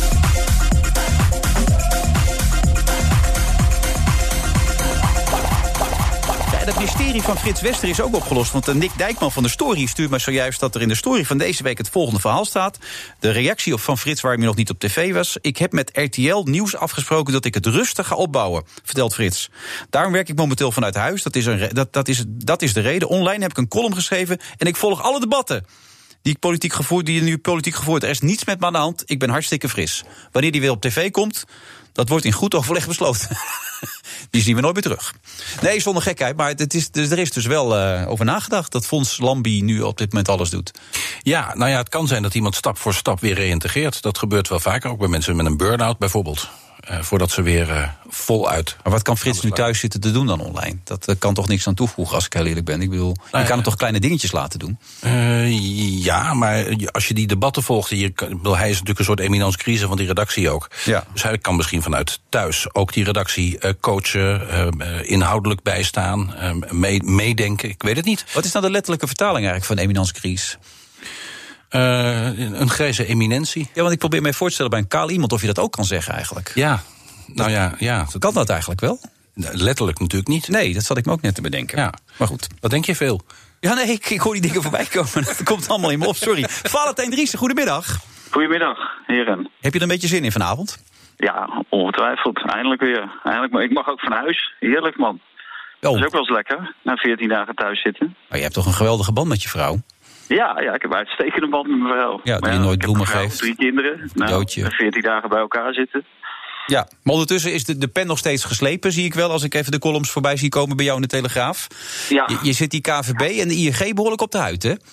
Ja, nou, ik vind dat er een noodfonds moet komen. We zitten op een eh, zakelijke radio. En eh, kijk, er zijn clubs eh, bezig om om te vallen. En dan denk ik, dat de KNVB is de paraplu waar alles onder zit. Nou, die, die moet een, een noodfonds eh, optuigen. En dan het liefst samen met de hoofdsponsor ING. Die zit dicht bij de kapitaalmarkt.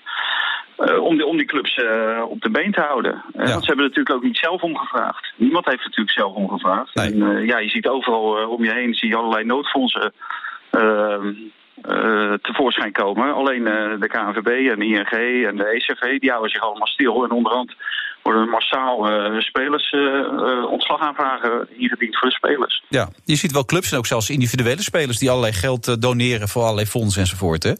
Ja, en dat zie je in Nederland, eh, hè, het loopt daar ook weer achteraan. Ik zie geen Nederlandse internationals en dan wordt er gezegd... ja, het is misschien eh, niet helemaal kies om, er, eh, om eh, te komen... en om dat in de openbaarheid te doen.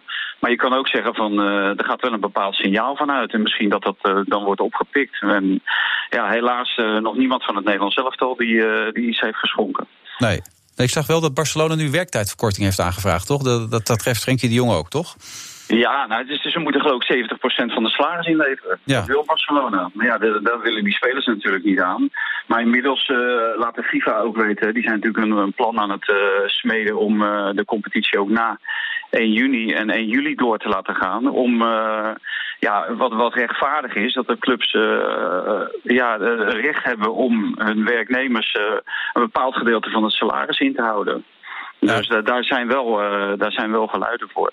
Maar wat belangrijker is, is natuurlijk... wat gaat er gebeuren met een speler als Ziyech... als zijn contract afloopt en de competitie is nog niet voorbij? Ja, ik denk dat hij dan niet meer gaat spelen. Eh, hij heeft gewoon een arbeidscontract tot 1 juli. Eh, of eigenlijk tot 30 juni. 1 juli gaat zijn nieuwe arbeidscontract in bij, eh, bij Chelsea. Ja. en ik, ik neem niet aan dat, dat de FIFA bepaalt waar hij moet spelen. Op het moment dat hij een arbeidscontract heeft bij Chelsea. Dat de FIFA dan kan zeggen, jij moet voor Ajax spelen. Wat, wat als er wat met die jongen gebeurt in die periode? En wie gaat het betalen? Het is bijna niet te verzekeren. Dus ik denk dat dat een, eh, een heel groot probleem wordt. En dat heel veel clubs dan gaan spelen met spelers ja, die eigenlijk eh, ja, normaal gesproken niet in de basis eh, zullen starten. Omdat ze inmiddels al zijn verkocht.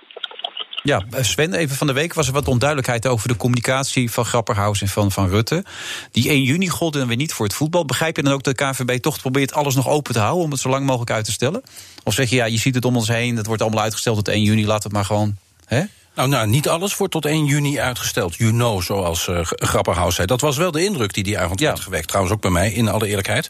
Ehm, maar later ging het alleen maar om evenementen... waar een vergunning voor nodig is of een meldplicht. Dat is eh, festivals, dat, dat soort dingen. Ja. Niet het voetbal. Nee, maar in, in Engeland Maar- bijvoorbeeld al wel. Ja, Bijvoorbeeld. Ja, maar, maar de, komende dinsdag gaat het kabinet zich opnieuw buigen over die maatregelen. Eh, en eh, we weten allemaal niet wat daar besloten zou worden. Maar het zou mij niet helemaal verbazen als die periode na 6 eh, april wat wordt verlengd, in alle eerlijkheid. Nee. En, en dan lees ik ook vandaag in de Telegraaf dat jij zegt... de kans dat het op papier besloten wordt is behoorlijk aanwezig. Terwijl ze in Engeland zeggen, wat er ook gebeurt... al moeten we tot oktober door, we gaan die competitie uitspelen. Waar ja, moet- maar daar, ja, daar, daar hebben ze natuurlijk hele andere belangen. De, de financiële belangen zijn daar gewoon veel groter. Want uiteindelijk draait het natuurlijk allemaal om geld. Maar in Nederland zijn de meeste eh, sponsorinkomsten zijn binnen. De meeste eh recetters zijn binnen. Want we hebben hier heel veel seizoenkaarthouders. En het televisiegeld komt binnen. Want dat heeft Fox gegarandeerd. Die laatste 22 miljoen, dat laatste tranche, Ja. wordt gewoon betaald. Voor het laatste kwartaal. Dus, dus daar, daar liggen niet echt hele grote problemen op dit ogenblik. De grote problemen gaan natuurlijk voor volgend seizoen komen. Alleen in Engeland worden die wedstrijden per wedstrijd verkocht, zeg maar. Hè, aan, aan televisiemaatschappijen. Ja, dan heb je wel een groot probleem. Maar hoe zie je dat voor je? Als het, als het praktisch zou gebeuren, tot oktober spelen... en, en dan, hoe zouden ze dat in Engeland in godsnaam willen aanpakken? Met het EK volgend jaar dan Champions League. Hoe willen ze dat doen dan? Ja, ik, ik denk dat, eh, dat die mogelijkheid, eh, ja, dat dat eigenlijk onmo- onmogelijk is. Je ziet nu ook in de lage Engelse divisies, hè, daar is ook alles eh, inmiddels geschrapt. Dus ik, ik denk dat dat uiteindelijk ook voor de Premier League gaat gelden. En zeker, nou, er was ook een Duitse viroloog die zei van... Dit jaar wordt er niet meer gevoetbald. Dan bedoelde hij het kalenderjaar. Ja. ja, dan op een gegeven moment zou je er toch ergens een streep moeten zetten. En dat gaat ook bij de, gym, ook bij de Premier League gebeuren. Dat kan haast niet anders. Hoe krijgen we die uitzending vanavond vol dan? met je volgende. Ja, dat bedoel ik, ja. Maar hoe krijgen we die uitzending vanavond vol, uh, Valentijn dan? Nou, veel make-up, Wilfred. ja, en de fysicist is er niet. Hoe gaan we dat doen? Hoe gaan we er vanavond uitzien? Ja. Nou, je, moet, je, moet jezelf, je moet jezelf uh, sminken vanavond. Uh, want ja, wie onze vaste fysicist, die mag niet meer komen. Dat is allemaal verboden nee. natuurlijk nu. Dus je moet het zelf doen zometeen. Of doe het alvast thuis. Dan heb je, kan je ja, fout misschien doen. Ja, ja, ja. En ik heb nog wel een plak uh, fysiologie nodig, ja. Dus ja. nou, ja. We, we, gaan het zien. Nou, die uitzending komt wel vol. Kan je zeggen, vier lelijke mannen bij elkaar. Dat maakt niet zo uit wat je daar nog mee doet. Maar Helene zit er gelukkig ook bij om het plaatje een beetje op te vrolijken. Ja, en Noor, zal het ook wel over gaan, denk ik. Ja, absoluut. Bedankt. Uh, ik zie je zo meteen goed. weer, Valentijn. Jojo. Goedjes. Goedjes. Ja, het gaat over geld steeds, Sven. Maar daar gaat ook geld in om natuurlijk in die voetballerij. Dat, dit kost me een partij geld. Ja, een werktijdverkorting voor uh, goed verdienende voetballers. Ik weet niet of dat politiek uh, zo uh, haalbaar is in alle eerlijkheid. Dat Want? Nou, dat de belastingbetaler miljoenen salarissen van voetballers gaat aanvullen. Ik zie dat niet gebeuren. Het zijn echt stevige salarissen. En zo gaan we er een klein, klein beetje doorheen, door Nederland heen eigenlijk. We gaan nu naar Philip Freriks toe. Philip, goedemiddag. Goedemiddag. Hoe, hoe ga, waar, waar, zit je? Zit je in Frankrijk of in Nederland eigenlijk? Ik zit op Corsica. Op Corsica? En dan kom je ook niet ja. meer weg zeker dan op dit moment? Nee, nee, nee. maar dat... Uh, had genomen hoor, om hier te blijven. Oké, okay, want hoe zijn de omstandigheden daar op Corsica dan? Ja, die zijn net zoals in de rest van Frankrijk. Uh, er is hier in het zuiden is een besmettingshaard geweest. Of die is er nog eigenlijk. Dus met aardig wat, uh, wat zieken en ook wel slachtoffers. De marine heeft zelfs een aantal zieken opgehaald en naar Marseille overgebracht. Maar hier in het noorden waar ik zit valt dat erg mee. Daar is zelfs nog capaciteit in het ziekenhuis. Maar ja, het is, het is hier is echt het heel streng. Hè? Lockdown met ja. roodbloks, je wordt gecontroleerd. Je moet, als je de straat op gaat, moet je het verklaring bij je hebben. waarin je op je ere wordt verklaard dat je echt naar buiten moest. om of naar de apotheek te gaan of de eerste levensbehoeften te kopen. Alle winkels, behalve de supermarkten, die zijn dicht. Hè? Dus je kunt ook niet uh, naar een doe-het-zelf of uh, noem maar wat uh, in die sfeer op. Um, ja, nee, het is lekker rustig. Ja, ik, ik, het laatste nieuws was Frankrijk. Ja, ik, ik, hoop dat je de komende twee weken niks te doen hebt, Philip. Want zojuist, dat een half uurtje geleden kwam het bericht binnen dat Frankrijk de lockdown met twee weken verlengt tot 15 april. Ja, nee, maar dat, dat, uh, dat maakt verder niet zo ontzettend veel uit. Ik ben, uh, je moet je voorstellen, ik moest voor de serie over de bevrijding... moest ik nog vier uitzendingen inspreken. En we hebben hier een studio gevonden waar dat kan. En dat tegenwoordig, dankzij allerlei, hè, dankzij de techniek, kan dat allemaal. En, maar ja, ik moet dus naar Bastia. Dat is ongeveer één uur rijden hier vandaan. En uh, dus dan moet ik met zo'n papier. Dus ik heb ook een prachtige brief zelf gecomponeerd die ik op, uh, op briefpapier heb laten zetten van de producent in Nederland. Met het verzoek aan de autoriteiten om mij door te laten, zodat ik in die studio die prachtige uitzendingen kan inspreken. Ja, maar ik ben gisteren geen gendarme tegengekomen, dus... Oh, dat ging nog wel goed. Want je, een zesdelige serie, als je er nog vier moet inspreken... dan moet het absoluut ja, wel gebeuren. Ja, ik moet er nog twee... Ja. Ik moet er nog twee doen, ja. ja. Want, nee, ik ga ervan uit dat ik met dat papier, dat ik dan uh, dat ik daar doorkom, ja. Ja, want zaterdagavond start het allemaal in de voetsporen van de bevrijding. Ja, dat is morgen ja. inderdaad, ja. Uh, dan start die serie. Uh, het zijn natuurlijk zware tijden met z'n allen. Is het wel, um, nou, het is natuurlijk wel heftig wat je daar gaat bespreken allemaal, Filip. Is dat wel een beetje in deze tijd om naar te kijken, zeg maar? Ja, ik probeer me er even, hoe, hoe leg ik het nou goed uit? Zware dingen in zware tijden, werkt dat? Ja, ja, nee, ja. Weet je, ik, als ik bij mezelf naga, uh, heb ik zoiets van. Ik heb het nu allemaal wel gehoord over uh, het virus. Ja. Ik verlang eigenlijk naar, uh, naar, naar wat anders. Dus ik hoop dat er meer mensen zijn die zeggen van nou, we willen nog wel eens horen hoe dat ging 75 jaar geleden met de bevrijding. Ja, maar dan ga je dus naar de, met, met, met geïnterviewden naar de slagvelden toe, de plekken waar ze ondergedoken hebben gezeten of ja. waar, waar, ze zich ja. hebben weten te redden. Dat zijn wel heftige gesprekken, neem ik aan. Dat zijn heftige gesprekken en dan begrijp je ook dat, hoewel je binnen moet blijven, dat dat niets is vergeleken bij toen. Als je binnen moest blijven. Want dan moest je binnen blijven omdat de bommen uit de lucht vielen. Of dat er zwaar op uh, je dorp uh, werd geschoten met mortiergranaten. Dus in die zin, uh, er zitten ook vrolijke momenten in hoor. Maar in die zin, ja, past van enige bescheidenheid, zal ik maar zeggen. Het was wel een vijand die je kon zien natuurlijk. De vijand van nu kun je eigenlijk niet zien. Dus het is toch nog veel nee, concreter. Het is onzichtbaar. Verhalen ja, we hebben hier een. We hebben hier een president die heet Emmanuel Macron. Die heb ik maar Winston Macron genoemd. Want die heeft inderdaad het voortdurend over de oorlog tegen de onzichtbare vijand. Oké. Okay. Voor jezelf moet het ook zwaar zijn geweest. Hè? Want het gaat ook over je, je broertje die overleed bij de bevrijding op, uh, in Groningen, toch? Ja, nou ja, dat was wel een van het moment. Ik ben daar met mijn andere broer geweest, die, uh, die toen ook in Groningen was. Uh, en we hebben voor het eerst, eigenlijk sinds het overleden van mijn uh, grootouders, hebben we dat huis uh, weer kunnen bezoeken. Zijn we weer in dat huis geweest in Groningen. Dat, ja. dat was wel een, een, een heel bijzonder moment, omdat nou ja, ikzelf. Dan word je, ben je niet meer de interviewer, niet meer de, de man die, die de vragen stelt, maar ben je plotseling zelf ook onderwerp van het, van het geheel. En ja, mijn broer die herinnerde zich natuurlijk allerlei dingen van die tijd. En dat was wel, ja, dat was wel even uh, emotioneel, mag je wel zeggen. Ja, ik denk toch dat, hoe heftig het ook is, dat het wel heel indrukwekkend gaat zijn, daar, Sven, als ik dit zo hoor. Zeker, ja. Wat is je broer overkomen, Philip? Ja. Want dat wist ik eigenlijk niet. Mijn broer, die, dat is mijn oudste broer, Jan. Jantje noemden we hem altijd, omdat hij op negenjarige leeftijd is, uh, is omgekomen.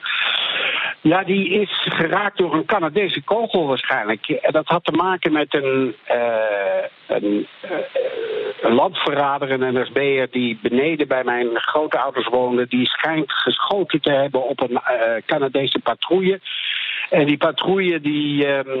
Uh, nou ja, die is gewoon verder gegaan. Maar er is later, een, een, een drie kwartier later of zo, is, zijn de Canadezen met een Brand Carrier gekomen.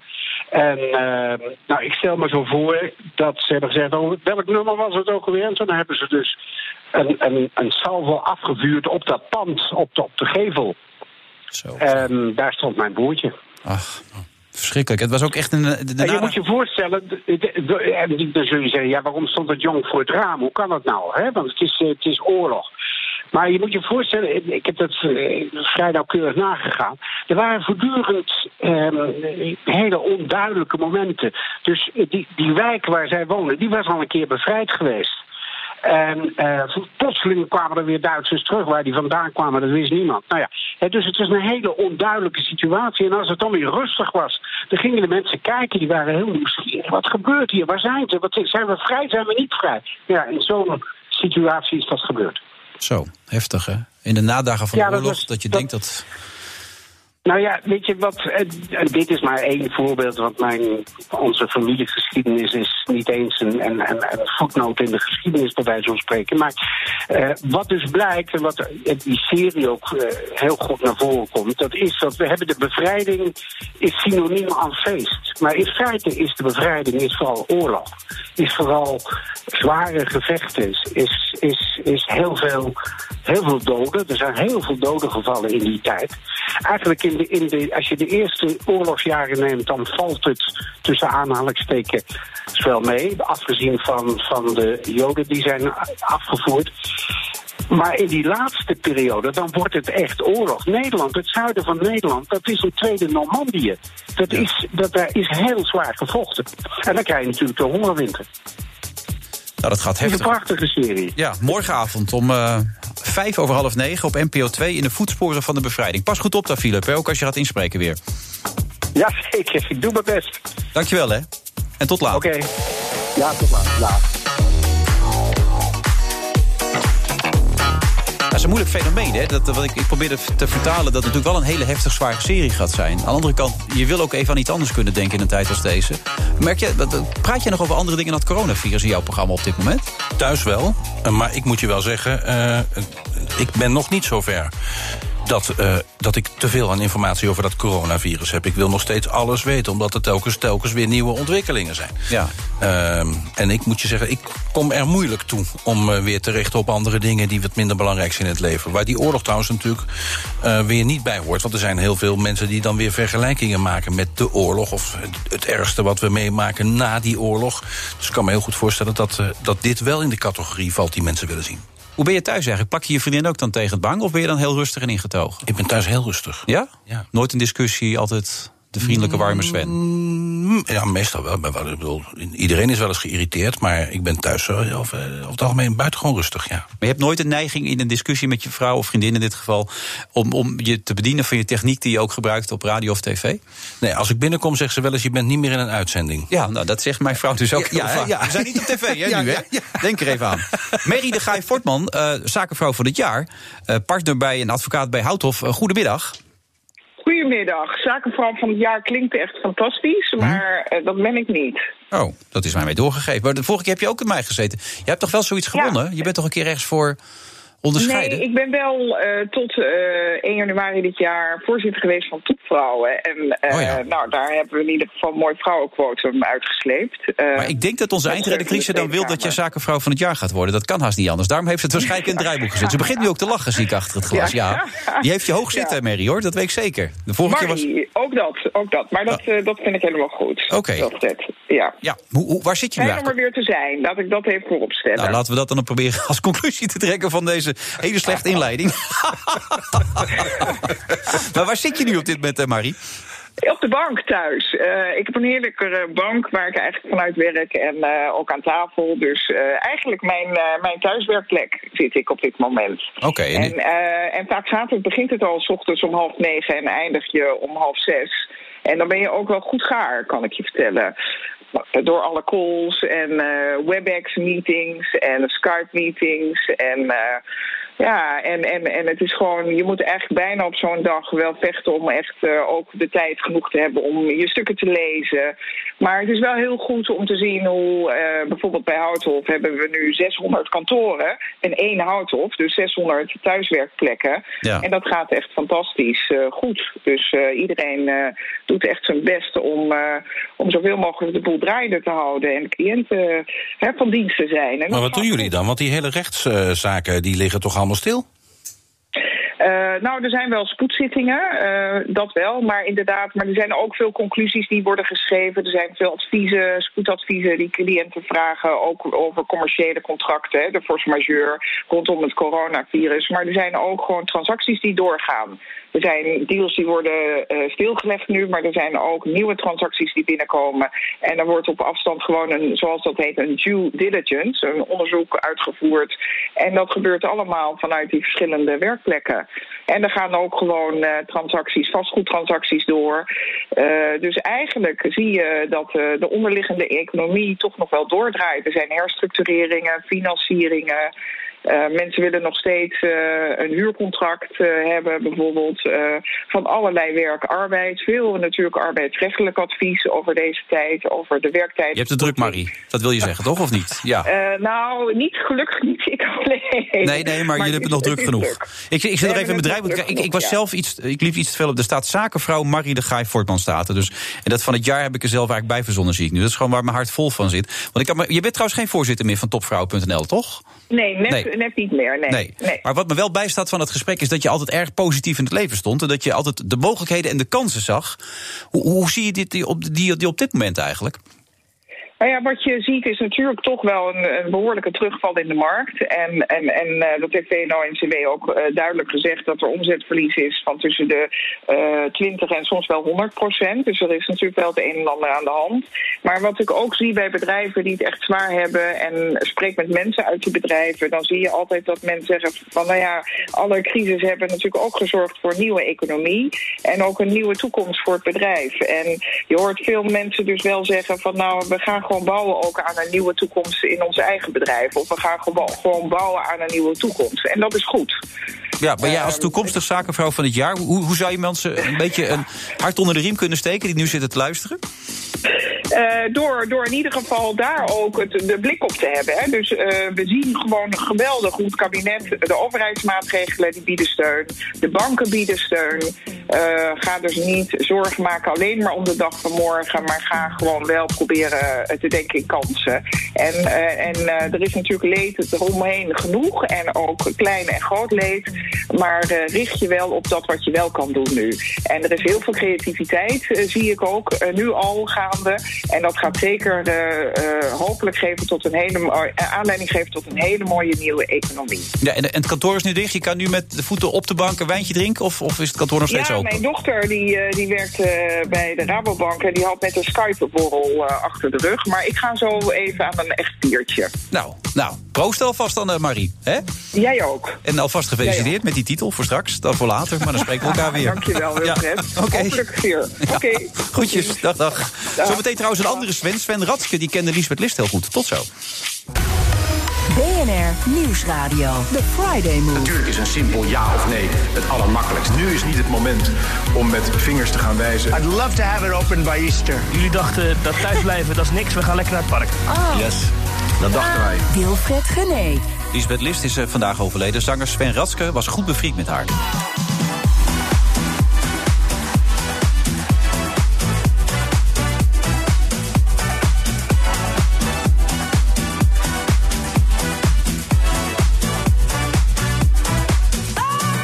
Andere Sven is nog steeds mijn co-host, Sven Kokkelman. Sven, ik, ik zag trouwens dat jij in uh, Soest bent geboren. Klopt. En ik, ik, las nu net dat Lisbeth List ook in Soest woonde. Wist jij dat? Ja, waar jij ook woont. Maar waar dan?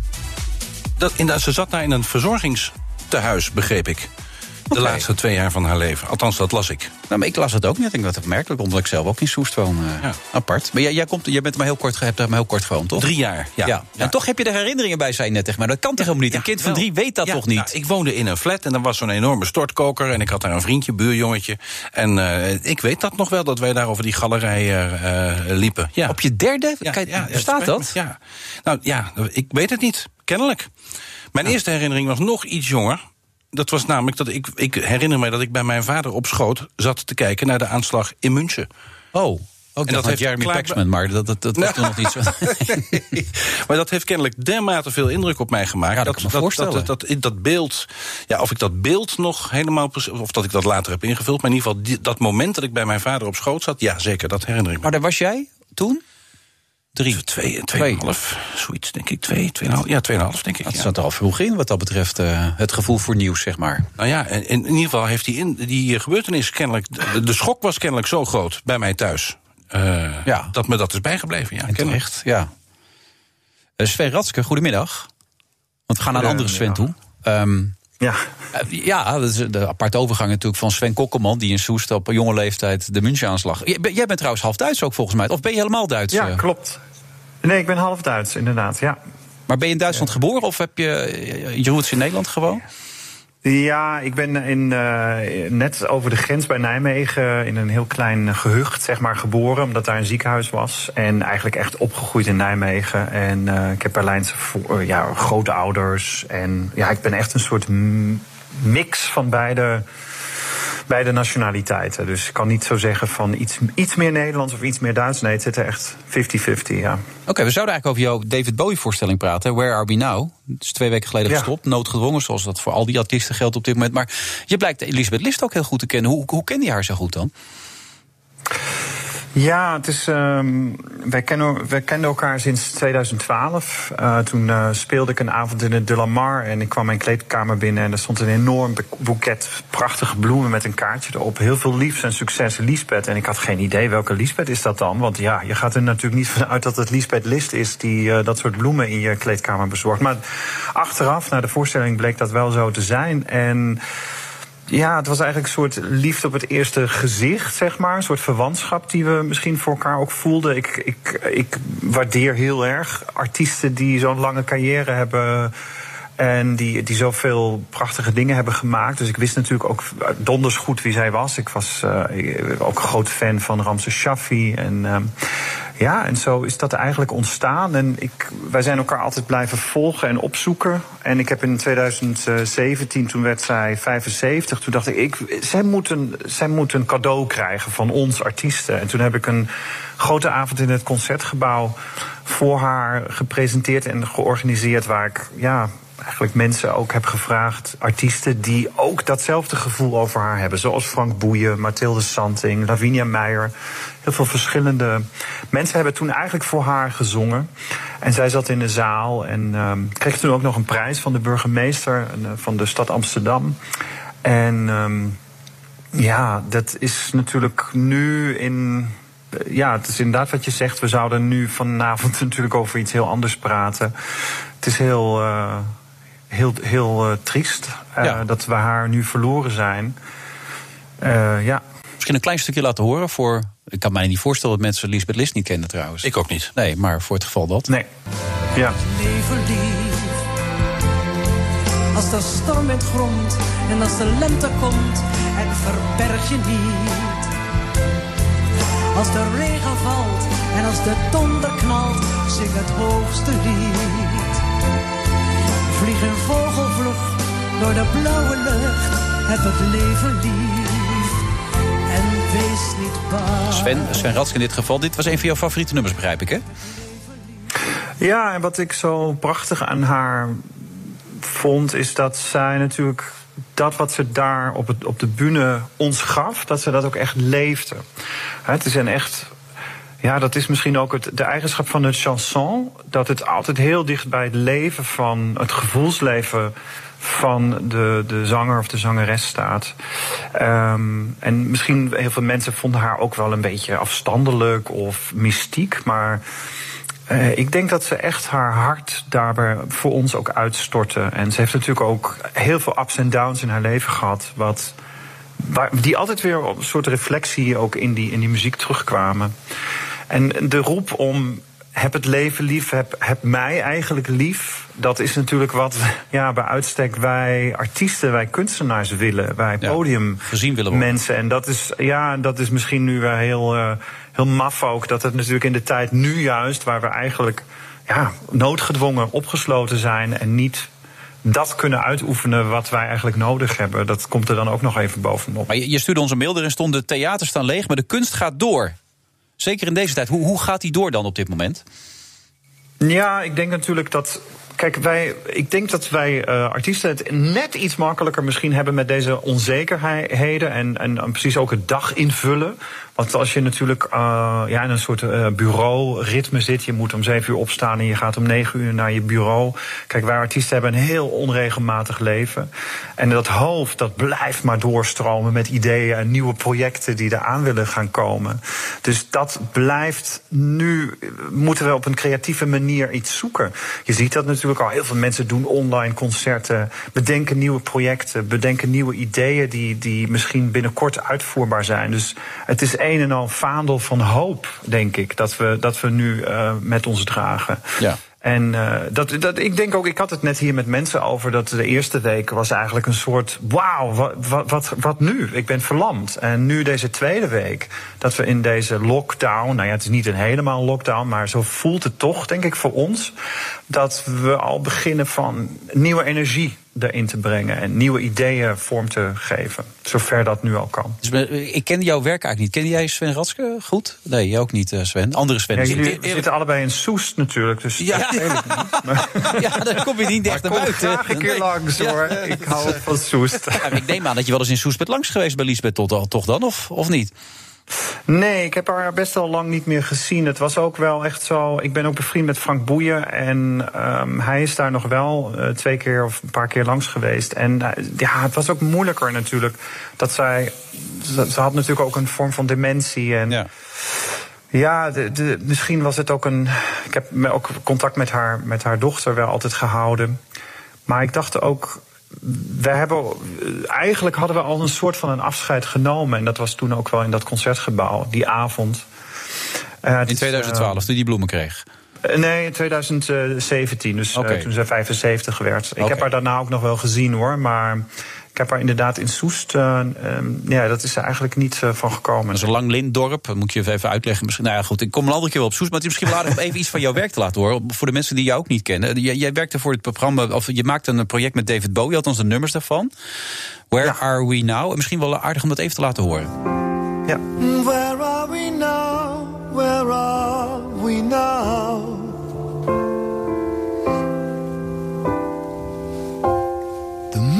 Moment you know, you know, you know.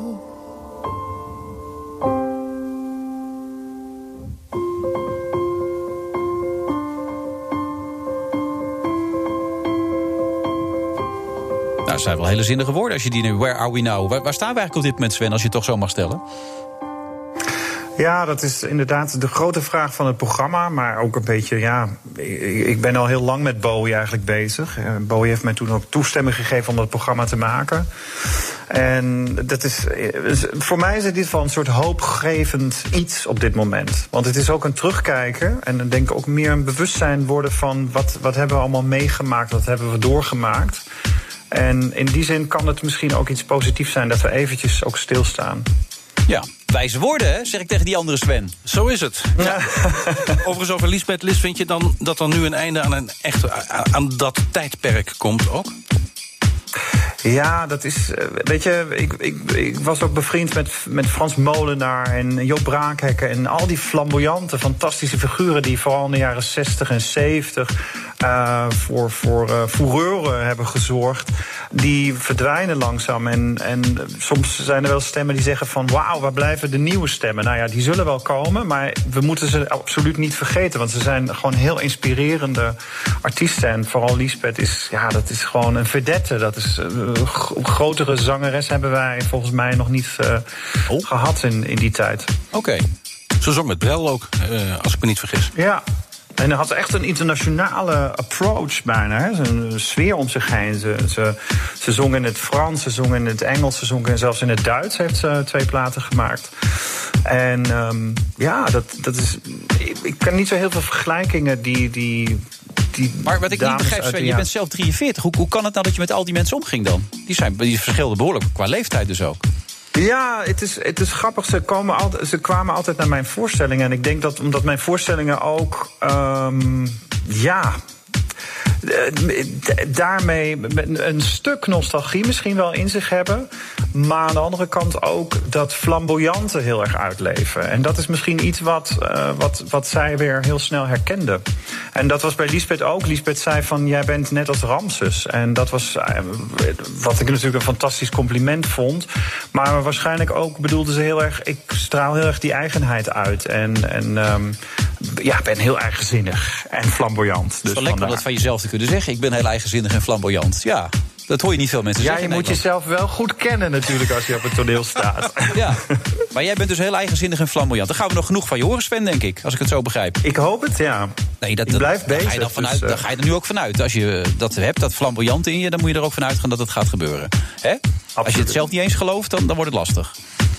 Nee, maar ik, eh, daarom heb ik het ook gezegd. Ik geloof het zeker, ja. Oké. Nou, daarom moet je ook zeker komen kijken, want dan zul je het beamen. Dan ja. zul je daar geen vraagteken bij stellen. Als de theaters weer open gaan, ga ik proberen uh, als je een keer in de Precies, buurt van en dan kom ik meteen bent. naar Soest. Als eerste kom ik ineens naar Soest. dankjewel Sven Ratske. Dan, uh, hey, dankjewel. Ga jij dan ook, uh, Sven Kokkelman? Ja, met anderhalve meter ertussen. Ja. En dan uh, ga ik met je, met je mee. Ja, gaan wij naar Sven Ratske. Bedankt Sven. De absolute slotfase weer van deze uitzending van The Friday Move. Er is geen verkeer meer volgens mij. Hè? Er is, uh, alles is nu weg. Hè? Iedereen is naar huis toe. Er is geen file meer te bekennen. Misschien nog een flitser hier en daar. Wat is trouwens de afspraak bij jullie eigenlijk? Hoe lang het door kan gaan qua omstandigheden? Of uh, jullie blijven gewoon door uitzenden met, uh, met het programma? Er is geen twijfel over. Nee, nee, nee zeker niet. Nee, nee, nee, wij zijn natuurlijk ook een nationale nieuwszender, zal ik maar zeggen. Ja, jullie ook trouwens. Maar, uh, ja, het is BNR. Ik, dit, ja, ja, ik werk ook nog voor Veronica natuurlijk. Ja, maar, zeker. Wij kregen op een gegeven moment een thuiszet. Of we dan misschien vanuit huis zouden gaan werken. Ik heb een thuiszet. Oh, je hebt een thuiszet? Ik heb een thuiszet. Dus stel dat ik verkouden ben, mag ik niet meer in het studiogebied komen. Ook niet meer in de studio komen. En dan heb ik in ieder geval nog een kastje thuis. Nou ja, kastje. Ik dacht dat het een klein kastje was. Maar ja. een soort van suitcase, of dat uh, flightcase. Ja. Uh, dus ik kan eventueel, als het niet anders kan, vanuit huis uh, uitzenden. Uh, maar de bedoeling is dat wij gewoon doorgaan. Ja, ja, kijk, als alles en iedereen omvalt. Uh, maar de, de, de, restricties zijn enorm. Technici ook, ze werken in aparte uh, teams, mogen geen contact hebben met elkaar. Dat als team 1 uh, besmet zou raken of verkoudheidsverschijnselen zou hebben, dan heb je altijd nog team B. Uh, dus die worden, worden echt wisselend ingezet. Okay, en, en, in die studio hebben we uh, sinds vanochtend, zag ik, uh, toen ik daar plaatsnam, een soort van loketten. Dus we hebben allemaal plexiglas. Ja, hebben wij ook inderdaad. Bij Veronica zit je achter allemaal. Ik, ik heb ook een ruitenwisser erop laten zetten. Voor, ja. als, als, je dan een keer niest, weet je wel dat, het dan, dat je het allemaal wel goed kan zien. Nee, maar wij zitten al heel, heel, heel lang tussen de plexiglas. Ja. Maar het, het, is allemaal wel nodig natuurlijk dat dat gebeurt. Ja, Toch? Ja, jij bent wel heel erg met die jelletjes bezig, hè? Ja, ik weet niet wat het is. Maar het is een soort heb je smetvrees? Nou, dat had ik nooit. Maar nu heb ik toch wel het gevoel. Ik was er straks nog even in Albert Heijn in Soest natuurlijk. Hè, ja, daar, daar woon je niet meer. Maar als er dan mensen ook op een gegeven moment uh, dat, dat, dichtbij kwam, dat ik voor het eerst merkte dat ik, dat ik er ook een beetje gevoel bij kreeg. Aan de andere kant denk ik, weet je wel, laat het maar gebeuren. Want dan ben ik er immuun voor. Want in principe zullen wij toch daar niet zo heel erg door. Nou ja, dat hoop je. Maar ik hoor ook verhalen van kerngezonde mensen van 30 die opeens op het intens verkeer terechtkomen. Ja. Uh, dus ik wou dat risico eerlijk gezegd maar niet nemen. Nee. Verder loop je natuurlijk geen risico. Kijk, ik werk voor Talpa en John de Mol heeft al aangekondigd dat er draconische maatregelen gaan komen. Dat zal voor de publieke omroep natuurlijk niet het geval zijn. Hè? Nou ja, dat, dat, dat weet ik niet op termijn. Ik bedoel, uh, de publieke omroep wordt ook deels gefinancierd door de ster. Uh, ja. Dus wat dat uiteindelijk weer voor consequenties heeft, dat moeten we afwachten. Maar staat jouw contract ter, ter discussie dan? Ik heb geen flauw idee. Alleen hij heeft vorige week natuurlijk ja, dat weet ik. ronddoen ja. laten gaan. Hè, dat we draconische maatregelen kunnen verwachten. Dus ik weet ook niet wat die inhouden. Dat zullen we volgende week wel gaan horen, denk ik, met z'n allen. Dus Je hebt geen contact met hem gehad nog? Ik heb er geen contact met hem over gehad. Nee. nee. nee ik denk dat die man andere dingen aan zijn hoofd heeft. Dat, dat denk ik ook, maar ja, ik weet het niet. Ga ik hem nu even niet lastig overvallen. Um, we hadden het aan het begin van jouw carrière over die, die, die column van Ton F. van Dijk. Hè, die jou heeft neergezet nu als de beste interviewer van Nederland. De Jeremy Paxman. Als je dan naar jezelf kijkt, wat vind je nou van jezelf wat nog beter zou kunnen? Waar jij zou moeten werken? Um, meer balans misschien.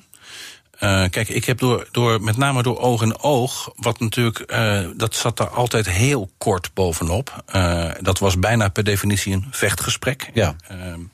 wat ik nu op de radio doe en, en ook op televisie weer zou willen doen, is, is toch iets meer balans in dat gesprek. Het was bij dat programma, daar hing toch door een paar hele spannende, bijna gederailleerde uitzendingen. Peter de Vries natuurlijk. Bijvoorbeeld, ja, ja, daar hing toch een beetje aan mijn kont dat als het niet bijna een bedrijfsongeval dat de uitzending mislukt was. Hmm. Uh, terwijl dat natuurlijk nooit de bedoeling is geweest. Uh, maar een scherp, spannend interview. Uh, op basis van de inhoud. maar dan wel in, in, in, balans. Ik ben ook iets ouder, meneer, inmiddels. Dus, ja, maar tegelijkertijd, het wordt ook van je verwacht. Op een gegeven moment ga je natuurlijk een rol aannemen. Ik, ik, nou, laat ik het voor mezelf spreken. Je, bent, je, wordt soms slachtoffer van, de, van, je, eigen, van je eigen beeldvorming. Laat ik ja. het maar zo zeggen. Ja. En hoe, hoe ga je daarmee om? Want ik, dat word jij en dat wordt natuurlijk ook. Je wordt soms in het land gevraagd om bepaalde dingen te doen.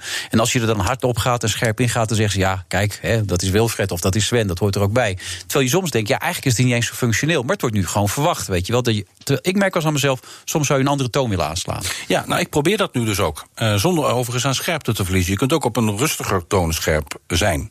Uh, het zit hem ook iets meer ook in tempo van, van het gesprek misschien. Uh, en dat is bij jou en bij jullie denk ik ook zo. Nou, bij ons programma luistert het natuurlijk heel nauw. Het is één grote karikatuurshow natuurlijk, wat wij op tv doen, toch? Ja, maar als, daar zitten toch ook soms hele serieuze momenten in. Niet, vaak, niet zo heel vaak. Nee, maar. nee, dat is inderdaad niet echt het geval. Als je dan nog één droom mag uitspreken, Sven, tot slot, wat zou die droom zijn? Nou, het is belangrijk om op je vijftigste nog dromen te hebben namelijk. Is zeker wel. nou ja, ik hoop werkelijk dat ik dit werk nog heel lang mag uh, blijven doen. Uh, dat ik daar de ruimte voor krijg. En uh, dat er ook weer ruimte is voor zo'n soort programma dat goed bekeken wordt. Ja, één op één, dat, oog in oog, ja, op tv. zoiets, dat zou, dat zou ik echt fijn vinden. Ja, ja zeker. En ja. ook nodig in deze tijd, zeg hij, onbescheiden. Ja, ja. Dus, zou je zelf flamboyant en, wat zei hij nog meer zojuist? Flamboyant en... Uh, nou, eigenzinnig ben ik wel, denk ik. Ja. Uh, authentiek gelo uh, geloof, geloof, ik ook. want anders was ik wel voor andere dingen gevraagd inmiddels. En, en flamboyant. Nou, ik ben wel iets rustiger geworden. Ik kon vroeger nog wel eens opvliegend zijn. Uh, maar dat is een stuk minder. Pas nou op, Patrick. Gaan ze je aardig vinden. Pas oh, daarmee ja, op, hè? Dat is, uh, dat is niet de bedoeling. Nee. nee. Nou goed, dan moeten we maar snel stoppen. Sven, goed dat je er was. En ook leuk dat je hier aan tafel wilde zitten... en niet gewoon vanuit huis ging werken. Stuur je een selfie van dat schminken vanavond? Nou, ik kan het gewoon zien, hè, vanavond. Je moet gewoon de televisie aanzetten om half negen. J jullie gaan het in beeld doen? We gaan het in beeld zelf doen. Want dat wordt gefilmd enzovoort allemaal. Dus dat wordt heel pijnlijk. En okay. volgens mij hebben ze René het verkeerde potje gegeven. Dus dat oh. wordt nog gezellig vanavond. Welke kleur? Nou, veel te donker. Maar ik zal niet grappen maken over... Dat gewoon, nee, doe ik gewoon niet. Bedankt dat je er was. En uh, volgende week zijn we er hopelijk weer met een uitzending. Want uh, je weet natuurlijk nooit hoe het allemaal gaat. Maar in principe zijn we er weer met een Friday Move. Tot volgende week. America will again and soon be open for business. Kijk ik bijvoorbeeld ook even naar de brouwers met hun eigen panden. dus op het moment is het echt spannend. We hebben een noodsituatie op het gebied van de volksgezondheid. We hebben een noodsituatie op het gebied van, eh, van de economie.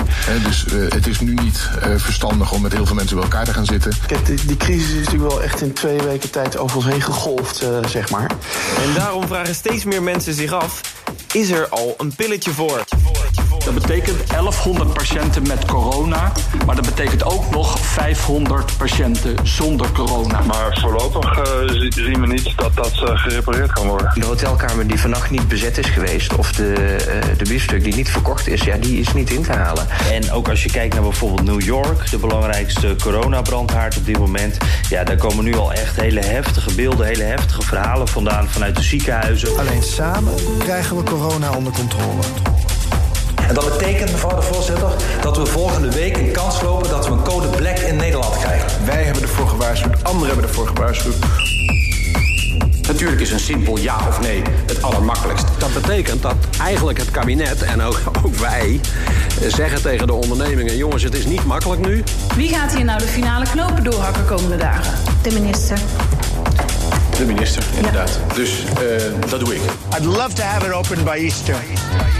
Nu is niet het moment om met vingers te gaan wijzen. Ik heb ondertussen uh, uh, eventjes contact gezocht met Martin van Rijn. Jullie dachten dat thuisblijven, dat is niks, we gaan lekker naar het park. Oh. Yes.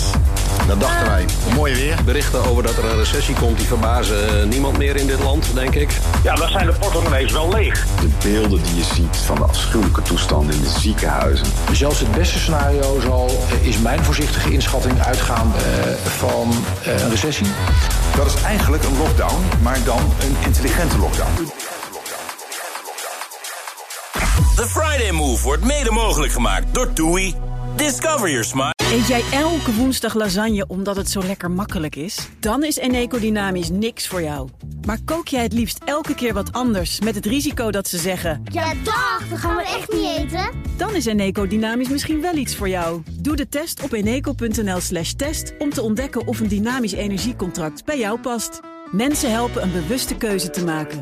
We doen het nu. Eneco.